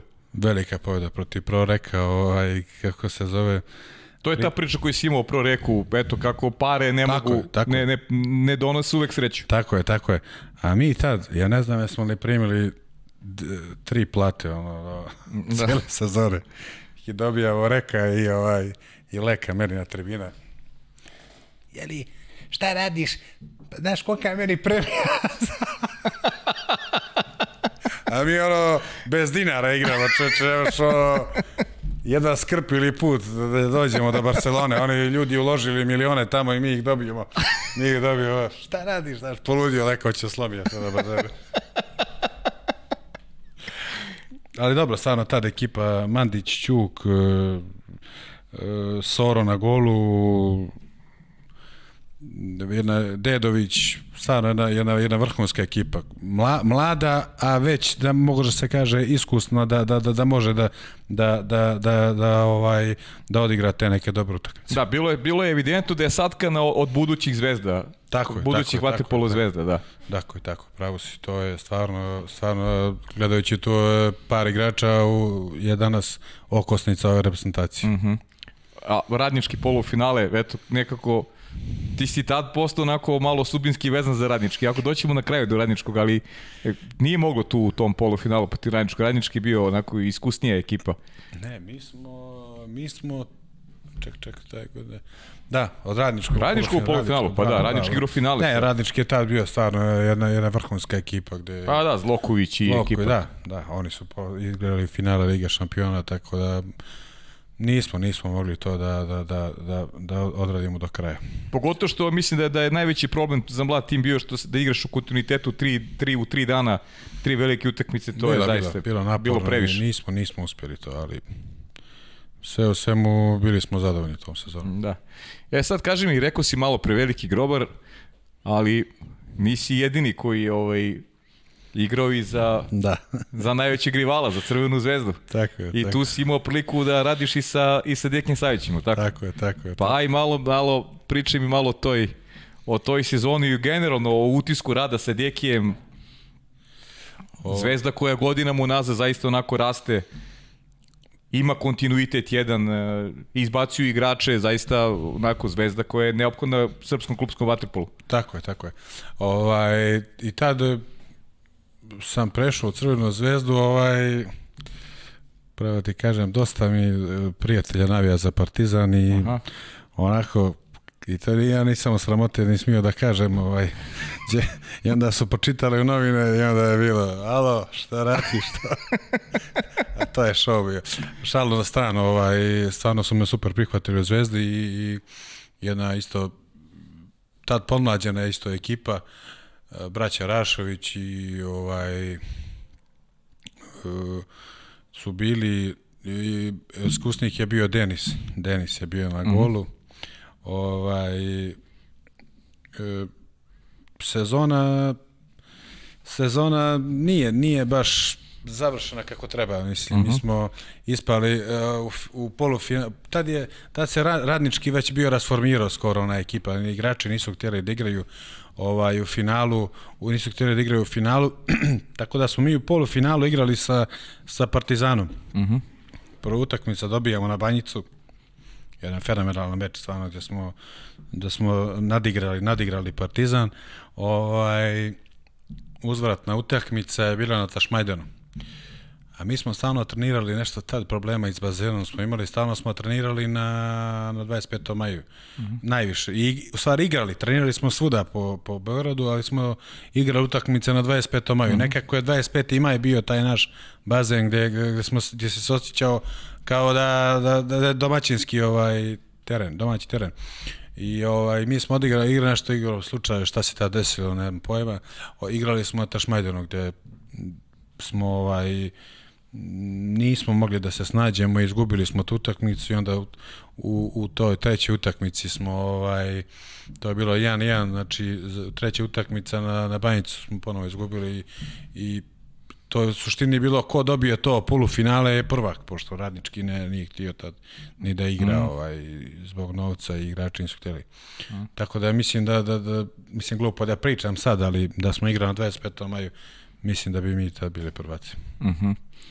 Dobro, a saradnja sa Dekijem, kako je to bilo? Pa dobro, dobar Deki je. Deki je ovaj, jedan vrhunski trener i, i, i ovaj, stvarno mnogo mi je drago što sam, što sam taj period proveo s njim. Bila je tu nekih šala i i, i ovaj i, dos, i, i ovaj šala i e, što su šala i... Šala i... I, i, dosko, ne. i doskočica, a? Dobro, ajde će da ispričaš neku, neku šalu, a? Dobro, kamere su čudo, da. Ovaj, pa ja sam obično to znaju svi da e, tokom leta sam išao vazduh u Herceg-Novi, znači uh mhm. -huh. tu budem celo leto, imamo neki porodičan biznis ovaj, koji smo, ja moja porodica, ra, s porodicom radio i ja obično nisam htio da treniram ono, ljeto dođeš tamo vrućina, sad treba da ja na bazen da. Ja po dva mjeseca ne bi mogao da, ne bi mogao da, nisam trenirao. Mislim, to je igrat vrhunski sport, a ne trenira dva mjeseca, to, ja kad ljudi, sad kad pričam sportistima da sam ja stvarno igrao na, na nekom nivou, a da nisam trenirao po dva mjeseca, oni su se krstili, nisu mogli da veruju, kao da li je moguće. Ali to nisam mogao sebe da natjeram, da, da nešto treniram i radim. I onda bi ja došao vas da po 7-8 kila više posle leta i ne znam, vežbali smo nešto i kaže, neko mi baca loptu na stativu i sad prelazi mi loptu preko prsti i kaže, neki, zaustavljaš to od januara mu bacajte, nemojte. Rano je. Rano. da, eto, pa bila. pa zna čovjek šta. Da. Ne, zato je veliki trener. Da, da. A kaži mi, pre nego što dođemo, ajmo malo taj stari grad, čisto apostrofiramo i tu si pravo jednu sezonu, eto, igrao si za stari grad. Ovaj, ja sam do, do, tad u tom periodu nešto trebao sam da idem vani, nisam i otvorio sam privatan biznis u Beogradu, ja, ja držao sam jedan lokal, gde sam ja već gledao onako malo da, da, da nešto sam se bio i zasitio. Uh -huh. Nešto u tom momentu nije bilo i novca i težak period i ono i ja sam ovaj odlučio se da da se posvetim tom nekom poslu i e, da pomalo treniram i da, i da igram tu u starom gradu. E, mnogo je teško e, za jednog profesionalnog sportistu kad dođe na taj neki e, malo lošiju ekipu gdje, gdje, gdje, ne, gdje ovaj, mora da, da, da, sve, da, da sve od sebe da, da, da trenira puno da bi došlo do nekih rezultata. Uh -huh. A ja nešto nisam imao tada afinitete da, da, da, da i treniram puno i nisam mogao da, kad nisi u formi igraš sa ekipama, ulaziš u nervozu, nerviraju te sudije, ono, i u tom momentu na polusezonu ovaj, grčki pauk je ovaj, tražio centra i oni su ovaj, ostali bez nekih igrača, na šta je bilo. Uglavnom, trebali su da ispadnu iz lige. Trebali su ispadnu iz lige i naš kakvi tamo navijači rekli su da ima vas pobijemo sve tamo, da vas izbacimo iz grada ako i onda su oni zvali mene, ali u tom momentu nisu, nisu, ovaj, nisu mogli da nađu centra, jer su svi bili pod ugovorom, ali ja sam tu ovaj, u starom gradu bio gde kad sam rekao Zo, ovaj, Zoći u starom gradu, rekao Zoći imam ponudu da idem ovaj, hvala Bogu, pustio me čovjek i ja sam da. na, na polusezonu otišao u Grčku. I tu si rekao da si da ti najlepše bilo tamo. A, Grčka, zašto, zašto ti bilo najlepše? Ajde. Pa, Grčka je, Grčka je ono, tamo taj, taj uh, život njihov, oni žive, ono, to, to nema niđe, ja ne znam. Tamo da, da li ko išta radi, ono, dođeš na ujutru kao trening, dođemo nas dvojica i ovaj trener je kao, ja, samo ste vas dvojica. Ajde, jedan krug od teretano, 15 minuta, isplivajte se malo, okupajte se. I rekao, aj to danas nije niko došao, sutra da, opet ujutru. Samo ste vas dvojica. Pa kao, ajde, kao. Uveče dođu svi da trening odrade, ali ujutru dođeš teretanica malo, posle sunčanje, kafa, ono njihova Fredo Espresso, čuveni i to ti je to. ali ovaj... Ali ste ostali ligi? Da, mi smo tad, ovaj, bio je, igrao je samo tad ovaj, golman Kostas Galanidis, branio je za, za reprezentaciju Grčke na, na, na prošlom ovaj, evropskom prvenstvu. To je stvarno jedan talent koji redko se viđe. Uh Mhm. -huh. Ja mogu da kažem da sam te predispozicije i reflekse i to prije njega jedino vidio kod Denisa. Stvarno, taj dečko je ono dva metra i nešto ogroman, ogroman. Ovaj, imao je, igrao je Dimitri Stikas, mm -hmm. dečko koji je bio u Partizanu. Da, sećam se. Da. Mm -hmm.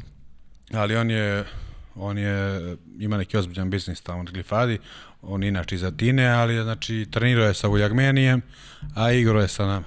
I mi smo ovaj prve tri utakmice dobili sve sve tri te neke glavne pri vrha tabele ekipe. I ovaj stvarno oni su bili oduševljeni. A ja nisam bio ni spreman na cijelu utakmicu sam igrao, ono baš baš te, tež, teško je bilo igrati, pogotovo tamo sve igraju na otvorenim bazenima. Uh -huh. Ti ako nisi navikao ne trenaš na otvorenom bazenu, mnogo je teško da, da, da, da odigraš cijelu utakmicu. Ali eto, i nekako sam baš brzo ušao u formu i na kraju smo bili četvr, peti, četvrti, peti, stvarno oni bili su prezadovoljni i, i je, mnogo mi je lepo bilo. Pa zato što stilu života odgovarao, pa ti sam pa se to prenuli na bazen. Izgleda to. Nije bilo šansi da ostaneš tamo, nije? Pa nije. Nije, nije. Njima je to bilo mno- u tom momentu ovaj, mnogo novca da mi daju, što sam ja tražio. A, tad su morali da mi daju da, da, bi, da bi ostali u ligi, ali za sledeću godinu već oni nisu mogli to da isplate i tu smo se razišli. Uh -huh. Ali eto, jako mi je krivo, ali mnogo mi je bilo lepo u Solunu. Lijep grad, e, dosta sporta. Ja volim da gledam i, i odbojku dobru i, i, i futbal i tako da mi je super bilo, baš sam, baš sam uživao. A, gledao si ove sekcije Palkove, znači... Da, ma to je cirkusom. Bio sam tamo kad je ovaj te godine igrao Prijević i kad su kad je ovaj predsjednik uleto sa pištoljem. Oni su sada, znaš, oni su cirkus. Pa taj, taj e, Vaterpolo klub je u sklopu tog sportskog društva, a futbal je glavni, taj uh -huh. Rus, kako se preziva, ne mogu se sjetim. Uh -huh. Grk, Grk, ali je onaj... Rusko poreklo? Ruskog porekla. On je čovjek milioner njegova tamo Luka u Solunu i to i on plaća sve sportove, na primjer od, uh, ruk- od, futb ovaj, od futbalskih ulaznica novac ide za plate vaterpolista. I sad ti kad odeš po platu, ono dobiješ ovoliku kesu, jer ono sve po 5 eura, pošto je 5 eura karta za futbal. Znaš, da ćeš ovoliku ti kesu vara daju. Ma oni se, i sad me zovnu tamo da dođem u sportsko društvo, mi daju novac. Ono, uđeš kad sam vidio te tamo likove, te neke obezbeđenja, neke uledide s pištoljima, ono je... Tako da cirkus je tamo bio na tom futbolu. Baš sam uživao. Dobro, a kaži mi ta veza sa, veza sa radničkim očigledno vrlo jaka i takođe u dva navrata imaš i osvojen nacionalni kup. To je ono ono finale od prošle godine e, kada ste onako baš, baš dobro odigrali turnir i, i rekao si bili ste favoriti za titulu, nije se nažalost završila sezona. Imaš još jedno finale, ono iz Renjina proti Šapca takođe. Tako. Sjeća se utakmice kad si zaradio dve lične greške vrlo, vrlo brzo, pa je samim tim negde i posle ekipa posto bila prinuđena da igra malo i drugačije i možda tad radnički još nije bio spreman za trofeje, verovatno ni kao klub. A imaš i tu A2 Jadransku ligu koju ste osvojili, koje je bilo zaista sjajno takmičenje. To, to je pokazatelj tog napretka radnički, radničkog u kome si ti učestvovao kao, kao igrač. Ovaj, pa eto, kao što si rekao, ovaj, neka povezanost, ja sam sa Jugoslavom onako baš do, dobar i drugi prijatelj i, i nekako njemu, njemu, njemu dosta i vjerujem i u, i u svemu što radi. Radi čovjek vrhunski, tako da na, Uroš je želio da ja dođem. Ja sam to ovaj, baš onako drage volje prihvatio, pošto je Kragujevac lijep grad, kažem, ljudi su stvarno predivni prema nama i tad sam imao neki, od tad imam prvog puta kad sam bio dosta neki prijatelja s kojima se dru, sam se čuo i kasnije i družio, tako da onako baš jedna radosna vijest za mene bila kad me, kad me Jugoslav pozvao da dođem u Kragovec. E, kao što si rekao, to finale u Zrenjaninu, možda i nismo mi bili dorasli tad, uh -huh. u tom momentu, u tom momentu ovaj, osvajanja, Tako da, ali eto, prošle godine smo stvarno igrali vrhunski i, i, i imali dobru ekipu i uspjeli da, da, da, da osvojimo tu, tu ovaj, da kažemo, u pravom vremenu. Uh -huh. pravom vremenu. Uh -huh. A kaži mi, si igrao, si igrao ti za neke repestivne selekcije? Ja sam kao mlađe, ono, mlađe neke uh -huh. selekcije, ali nisam, nisam nešto, baš, da. nisam, ovaj, kasnije sam u Crnogoru bio i ovaj, baš je bio trener otac od, od Nemanje Vica i tada je bilo evropsko prvenstvo u 89. U, na Malti, ja mislim, ili uh -huh. tako. Ne? Ja sam trebao da idem i onda je on nešto mi je rekao u tom momentu da ima tri centra, da idemo sva trojica, pa će on tamo kad dođemo da kaže ko će da igra. Ja sam u tom trenutku mislio stvarno sam da, da, da sam i trenirao sam i bio sam spreman i mislio sam se zasluživo da, da, da odem na to evropsko prvenstvo. Mene to uvredilo, mi je rekao da idem tamo da, da ovaj, pa da vidimo ko će da igra. Ja sam rekao da ja neću da idem, neka idu njih dvojica, neka igraju i tako. Mm -hmm. Tu se završava ta neka priča. Ali misliš da si pogrešio da, da, sa, sa tim stavom? Da li je to možda uticalo? Mislim da sam pogrešio, da. Zato što bi igrao sigurno. Mm -hmm. Mislim, ali u tom momentu sam onako malo bio tvrdoglav i nije to neki ni prvi ni poslednji put da sam pogrešio, ali ne želim ni za čim, ali da. Pogrešio sam. Jesam. Uh -huh. A šta misliš za svojom najvećom greškom ili šta je tvoja najveća greška koju si napravio vezano za, za, za vaterpolo sada kada si već onako izašao iz bazena i, i postao funkcioner? Pa nije, ne bih, ne bih rekao šalu na stranu što znamo Da, za, za da. trening je to, ali ja sam se kasnije stvarno u tim nekim mlađim kategorijama sam se onako provlačio, ali stvarno kasnije sam radio ovaj odrađivao posao i treninge stvarno profesionalno. Uh -huh. Mene nije moglo se desiti da, da, da ne dođem na trening, da, da prispem, da, da sve ne odradim kako treba. Ovaj, znate kako, mislim, treba, pored rada, treba imati sreće. Uh -huh. Mislim da, da ne, nema za čim da žalim. Jedan mnogo lijep period sam proveo u sportu i ovaj dosta prijatelja upoznao i družim se i stvarno mi je drago što sam što sam ovaj igrao i što sam bio u tom nekom društvu dobrih momaka. Uh -huh.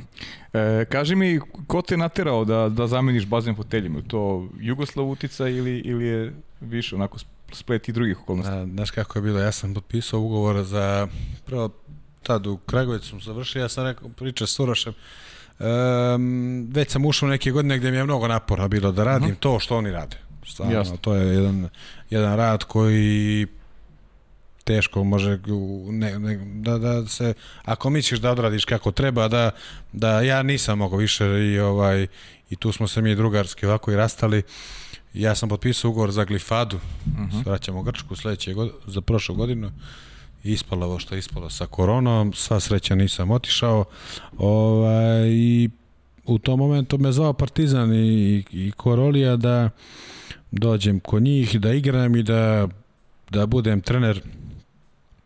I onda ja malo u nekim razgovorima s ljudima sam pričao, pa onda mi Jugoslav rekao, pa ti možda da radiš kao Kembeo. E kako? Pa možda radiš 6-7 sati svaki dan na bazenu sa ovom djecom i so. Pa rekao, pa ne mogu. Pa kako ću budeš trener? ja rekao da i tu je stvarno ovaj, i hvala mu na tome što mi odgovorio ne, mislim da nisam, nisam ja za taj trenerski posao to je stvarno, stvarno veliko odricanje uh -huh šalu na stranu, ne, ne, ne mislim da, da, da mi ne, da u ovom poslu koji sad radimo nema, ima posla naravno mnogo više, ali su druge neke stvari i mislim da, da, da nisam, na, nisam pogrešio i da stvarno je Jugoslav jedan da je ovaj veliki menadžer i veliki veliki ovaj zaljubljenik u vaterpolo tako da uz njega može dosta stvari da se nauči i da i da se napreduje. Pa je onda za 10 godina sebi vidiš dalje u vaterpolu? Pa što da ne? Uh -huh. Volim, volim vaterpolo, prijemi prijemi da, da budem sa ljudima sa ljudima koji su onako kažem sportisti koji i koji žive taj život i stvarno mi prija da kažem tim nekim ta neka komunikacija svakodnevna s tim ljudima i tim okruženjem stvarno sam pronašao sebe i, i mislim da će ostati u, u, u Waterpolu do daljnjeg. Uh -huh. e, ajde čujemo posljednje pitanje pre nego što pređemo na pitanje gledalaca za Marinu i Paju, za mog dragog druga. Evo, ja ću da postavim dva pitanja. U prvom ću da postavim jedno pod pitanje. S obzirom da je poznato da je imao teško detinstvo, da život nije mazio od ranog detinstva i učestvovao u porodičnom biznisu i ne imao prilike kao mnoga djeca da uživaju blagodati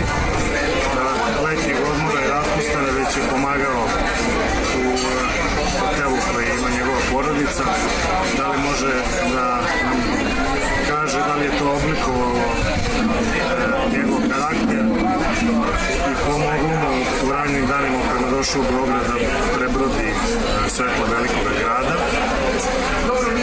Takođe, zašto je prestao da igra u najboljim godinama i kad je bio na vrhuncu svoje karijere, obrazloži to takođe, a drugo pitanje je s obzirom da je prestao da konzumira alkohol, da li može da nam kaže šta je, koja je to tačka da je misle dovela do toga pa da preseče taj potez u svom životu. Pozdrav svima. Šta vam postavio? 16 pitanja u jednom pitanju. Čovjek ima, pa ima pitanje. Pa re, treba si ga pozoveš, ono što rekao, dođeš jedne tu. Da, dođi on. Ne može sad Enogovu Kragovicu trener. Šta on trener? Ovaj, ovo što, što je prvo pitanje za porodičan. Ovaj, da. pa da, oni se stalno se znaju, ja sam im pričao da ja stvarno radim. Moja porodica ima taj mali hotel, mm -hmm. Herceg gdje imamo, mi imamo zaposlene, ali svi mi imamo neki posao od toga da poneseš kofere, da, da ne znam, pomogneš nešto, doneseš da u kuhinju odeš, da odeš u nabavku. I onda ovaj, oni stalno zeze kao, gdje niko radi kao Hercegovina, znaš, i onda oni misle da ja ne radim stvari, sam stvarno, stvarno ovaj, svako ljeto radi ovaj, sa porodicom u Hercegovinom. E, šta je drugo pitanje za... Drugo pitanje, pa bilo je za, za alkohol je bilo i za... Pa da, sad je ovaj, došao Kragovec, pa ga je pustilo supruga malo da da, da prošeta, pa onda me mislio da popijem neku, ali ja sam na nekom režimu iskrane, pa ne pijem i onda zato možda i pitam. A, zato pita, da. Da, da, da. Da, i ne znam što je još bilo, još jedno pod pitanje imao ono za, za svetla velikog grada, da. Da, kako je bilo, pa da. Pričali smo o tome. Pričali smo o tome da. tokom emisije. Dobro. Dobro, eto ti Stefan, nadam se da si zadovoljan, vidjet ćemo kakva je reakcija. E, sada pređemo ovaj, na pitanje gledalaca, ima ih dosta tu su i naše kolege iz Kragu i Sporta koji su takođe imale svoj segment i, i njihova pitanja ću pročitama, ali za početak Tijana pita, znaćeš vrlo brzo koja je Tijana, koliko mu je vremena trebalo da napravi spisak, znaće koji za finale Superlige Radničke Novi Beograd? Koleginica, da, da. Ovaj, to je bilo na dan utakmice sa Novom Beogradom, gde me Jugoslav zove kao, zvali su iz policije, e, moramo 120 imena da stavimo na spisak. E, dakle, mi 120 imena, sad ja znam 20-30 ljudi koji dolaze i tu ovaj mi kaže 10, ovaj 10 napišemo, ja sam iznerežan što pišem cijelo jutro. Pritom nervoza oko utakmice, zove komunalna policija, zove ova policija, znači stvarno haos taj da. Uh -huh. I ovaj, ja odem u WC i ovaj jedan Bojan Vuković, naš drug, ovaj, se doseti i kaže Jugoslavu, pa recimo da, da su zvali iz policije da treba i od svakog ovog, od ovih 120 ljudi JMBG. Znaš. I Jugoslav Đubre pošalje Tijani tamo ovaj, poruku da napiše, no imamo našu grupu iz kluba, znaš, ko šta radi, šta treba.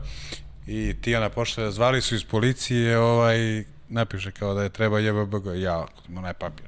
Ma rekao, boli me. I tek poslije broj. Ali bila dobra, dobra šala. Dobro, eto ti jedna, da si zadovoljna.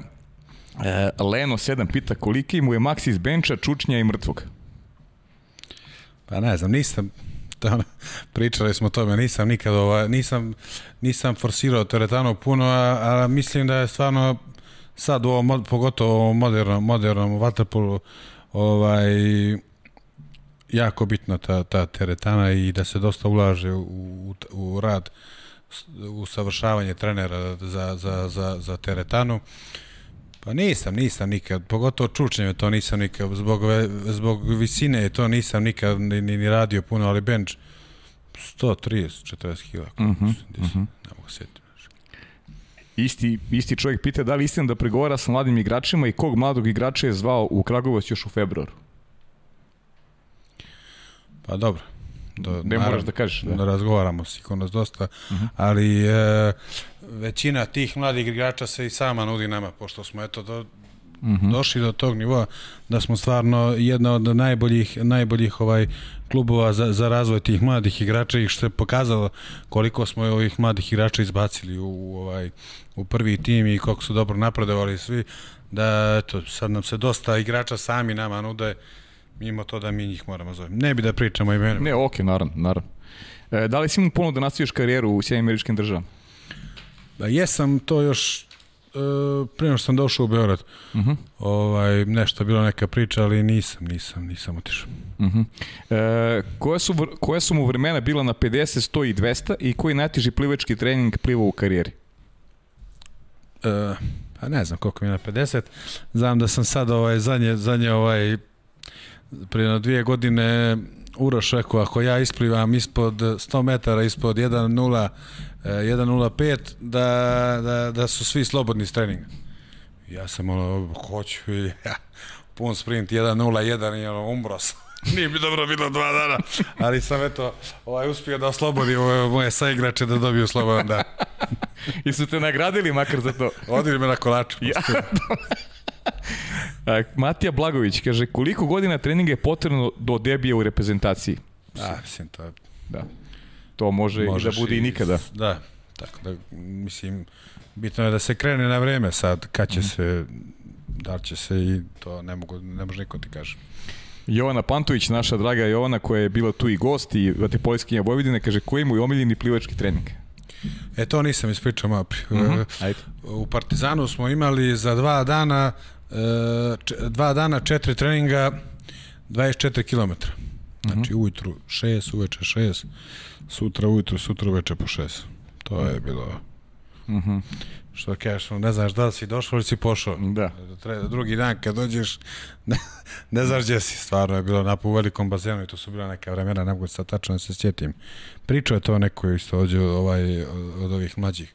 Mhm. To su bile nek, ti neki testovi da izdrživosti, to je bilo stvarno Znači, pakleno. znači omiljenih treninga plivačkih i nema u stvari. Ja mi pa ne, ja nisam, mene nije ni bio problem da plivam, stvarno, bio sam plovan, nije mi ni bilo problem da plivam, tako da neka mi je bilo milije da plivam nego da, da, da, da, da, da nešto vježbam što, što sam mislio da znam. Uh -huh, uh -huh. Tako da, tako.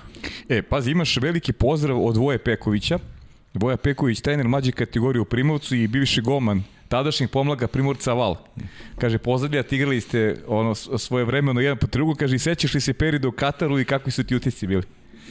Pozdrav za Voju, Vojo Baka Peković smo ga zvali. Da, da. pozdrav, pozdrav za Voju. Pa stvarno jedan e, lijep period, tad je Kotor bio onako jedan mali studentski grad, ovaj, studentski grad na moru gdje stvarno smo uživali, bilo je i provoda i društva, stvarno je bilo, bilo odlično. E, pe, aha, pera ti, to je, kaži, kaži. Ovaj, bilo, Kotorani su onako dosta šaljivđije su veliki, stvarno je bilo uživanje s njima, tu je bilo jedno, jednu anegdotu ću da ispričam. Ajde, ajde. da kad je Varga došao kod nas u klub i sad on je navikao tamo u Mađarskoj, ti kad si olimpijski šampion, ti si tamo kralj. Znači, šta god treba da se završi, samo dođe, kaže, ja sam olimpijski šampion, ok. I bio je to avgust mesec. Meni trener kaže, bio sam najmlađi da ga odvedem da ga odvedem u, u MTL, MTS, šta li za internet i ono, da mu se završi. I mi dolazimo ono, avgust, ono, 40 stepeni, onaj radnik unutra se preznojava, znaš. Kaže, e, pa kao ja da prevodim, ja ako trebam u internet, ovo ono, pa kaže, ovaj, a ne može to sad, to ne znam kad će moći da gužve, ovo ono, pa kaže on njemu, pa ja sam olimpijski šampion, kaže on njemu, kaže, druženi da si Milo Đukanović, ne može to sada. to je stvarno, znaš, kaže da si Milo Đukanović, znaš šta, a ne olimpijski šampion, da. Dođi drugi put, sad Da. ne može, gotovo. Možda bude što hoćeš. Tako da su stvarno Kotorovi odlični, odlični. Eto, pozdrav, pozdrav za Voju još, još jedan. E, Pera pita da li ideš na Čolin koncert 4. septembra u Kragovicu? A to me i moja djevojka Maja pitala, isto, mada evo nisam upućen gdje, ali ona bi voljela da ide, pa ću da vidim ako bude otiću. Dobro. To me juče pitala ona. E, Darko Santić, pazi, da imaju pitanje. Da li je istina da je Brsti poznavala s domaće muzike i da gaje veliku ljubav prema pevanju i karoka večeram? Večerima. I ako je tako, da li možda nam otkrije refren koje pesme i od kog izvođača naravno ga najviše pogađa u srce i tera da peva iz sve glasa? Pozdrav. Nisam, ovaj, niti znam da pjevam, niti sam ovaj, neki ljubitelj narodne muzike, ovaj, ali to se oni izazaju, pošto sad, ja kad ne znam neku pjesmu i ono, sad neđe budemo sad na ovim proslavama, ja kad ne znam i onda i onda su oni provali da ja svaku drugu treću zato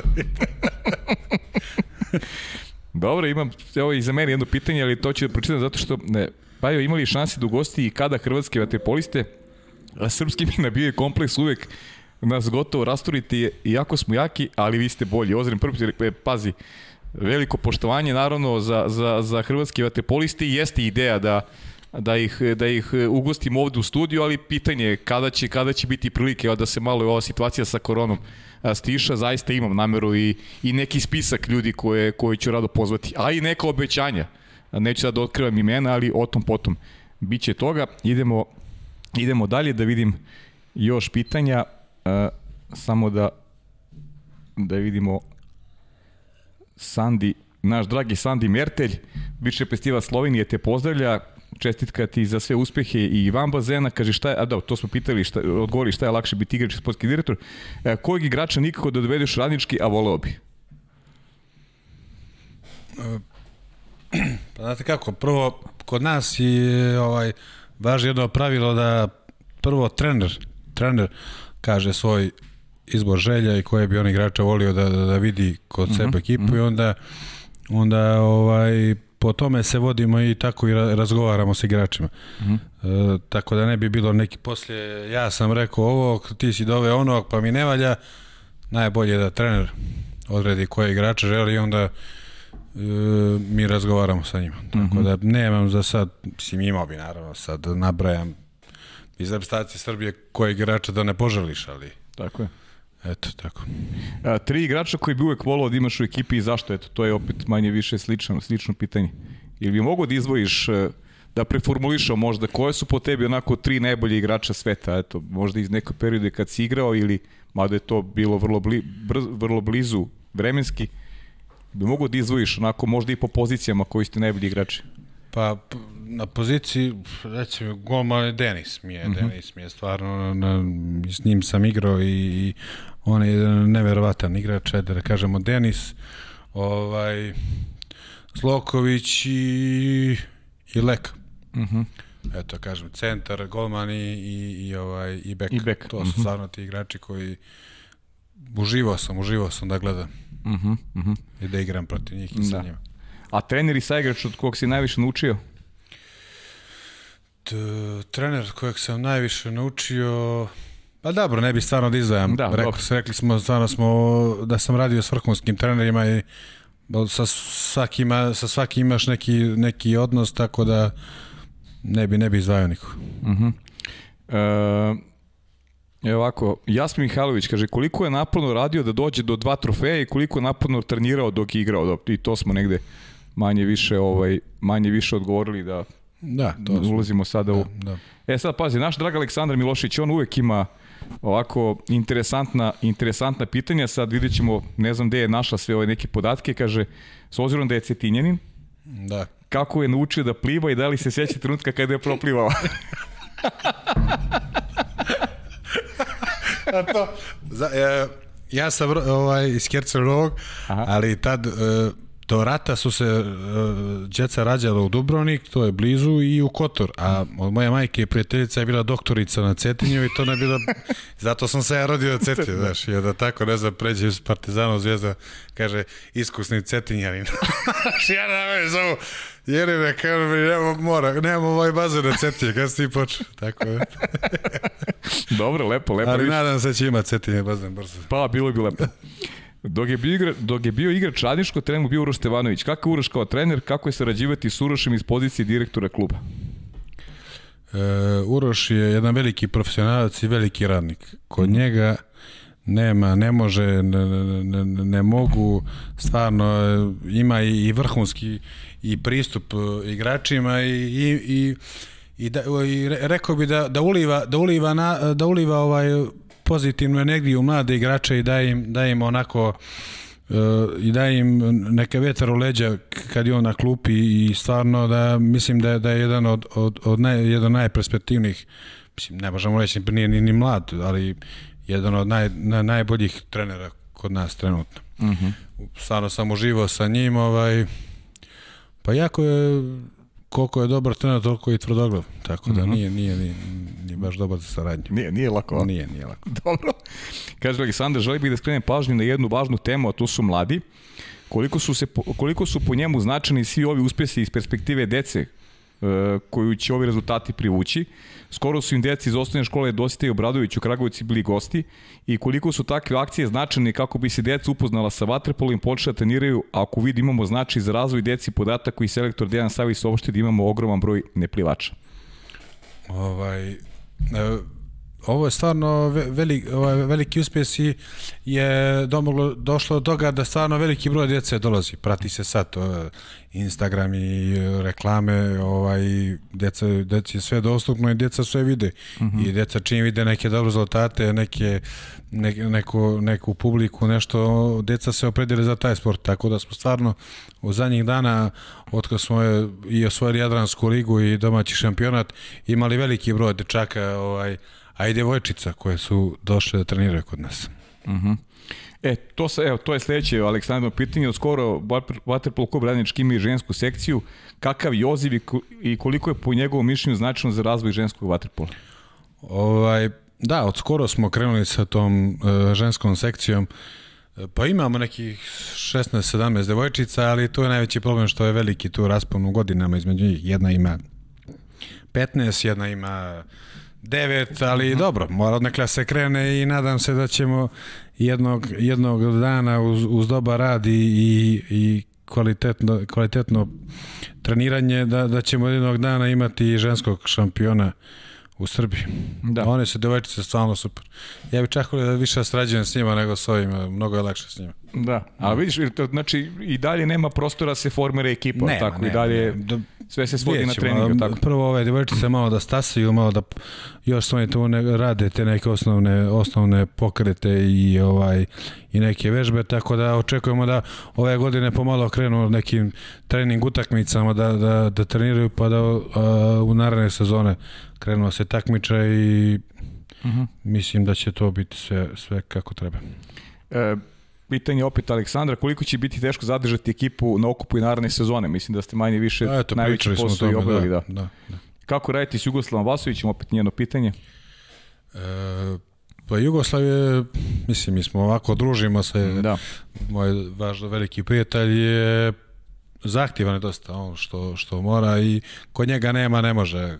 Kad nešto treba se završi, da mu kažeš ne može, to nema šanse.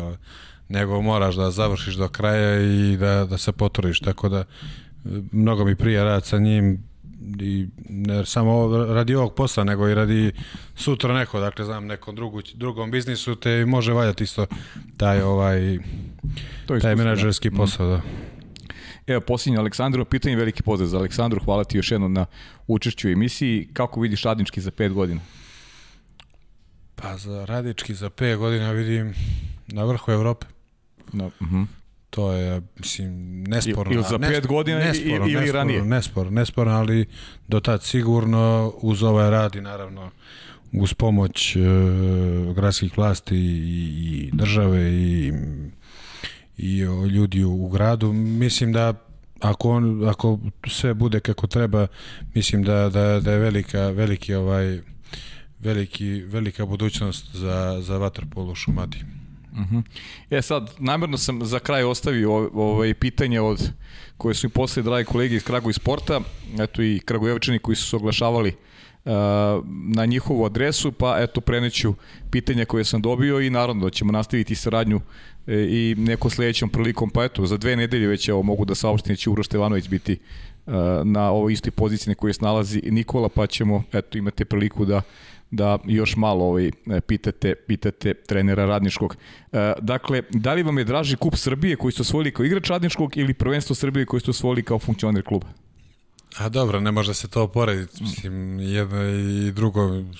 Prošle godine sam bio jako srećan i, i, i zadovoljan s tim uspjehom. Ovaj, iako mi je krivo što je došlo te više sile te pandemije, gdje mislim da smo mi bili stvarno na pravom putu da, da ovaj, da osvojimo šampionat Srbije prošle godine. Mislim da nismo možda bili, možda i nismo bili najkvalitetnija ekipa, ali mislim da smo kao jedan kolektiv i da i i ta, da smo najbolje radili, najbolje se trudili i mislim da smo stvarno i prošle godine ponavljam, mislim da nismo bili možda najbolja ekipa, ali da, da smo najviše željeli tu titulu šampiona Srbije, koja je došla ove godine.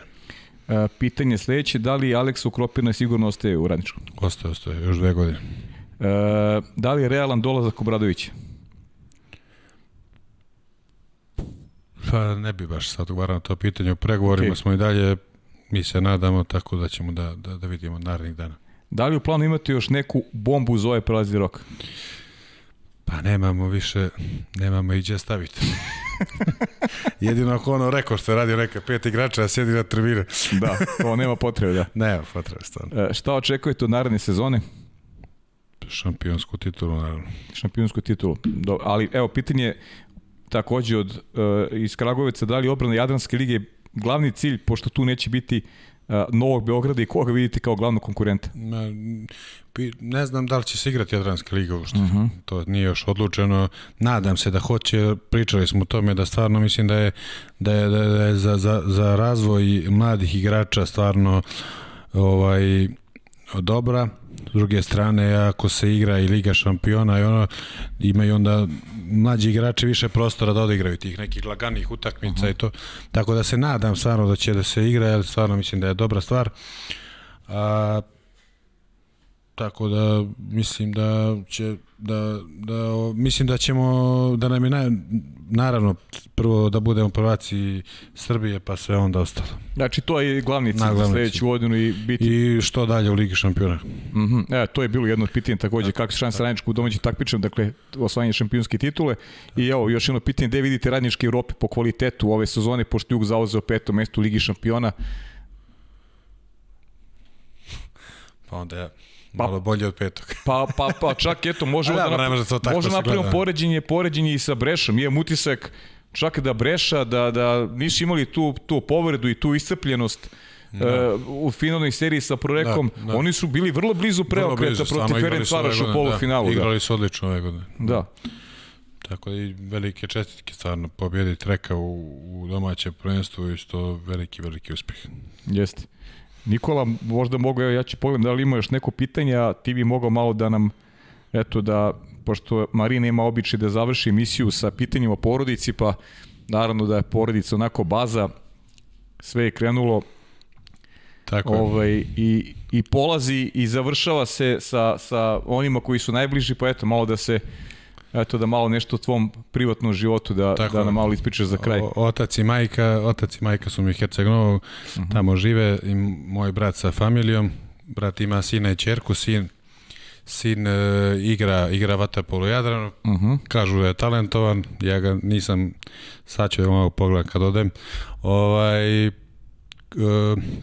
sestra mi živi u Beogradu, ima sina koji ovaj koji se bavi futbalom i glumom. Glumio je ovaj, sad u ovoj seriji Kralj Aleksandar.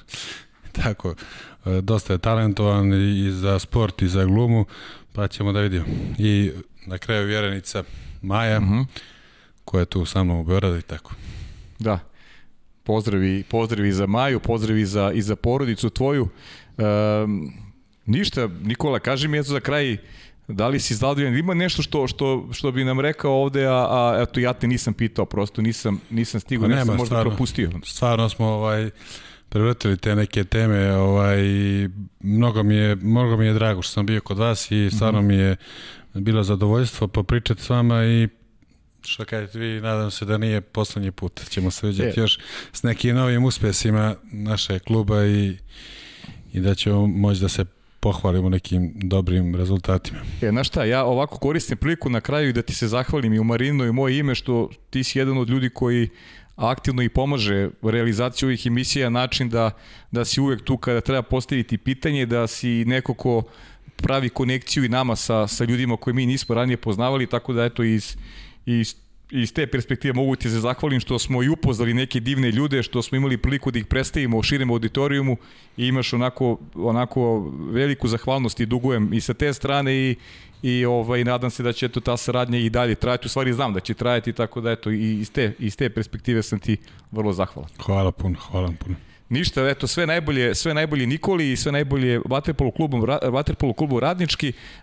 Manje više smo moram da budem iskren, pripremili neke emisije već za naredni period, tačno znamo raspored gostiju i evo reći ću vam za sledeću nedelju na Nikolinom mestu sedeće Stefan Ćirić, bivši trener Partizana, pomoćnik Dejanu Saviću u reprezentaciji Srbije, trener koji je u, sa ekipom Noisy Lesek u Francuskoj napravio zaista sjajan uspon, klub koji igrao finale sa, sa Marsejom u šampionatu Francuske, tako će biti mnogo interesantnih tema sa njim, pogotovo sada pred olimpijske igre i eto, to je pozivnica da narednog četvrtka ponovo budete e, sa nama. Ja vas pozdravljam i uživajte u ovom intervju sa Nikolom Tomaševićem do narednog druženja.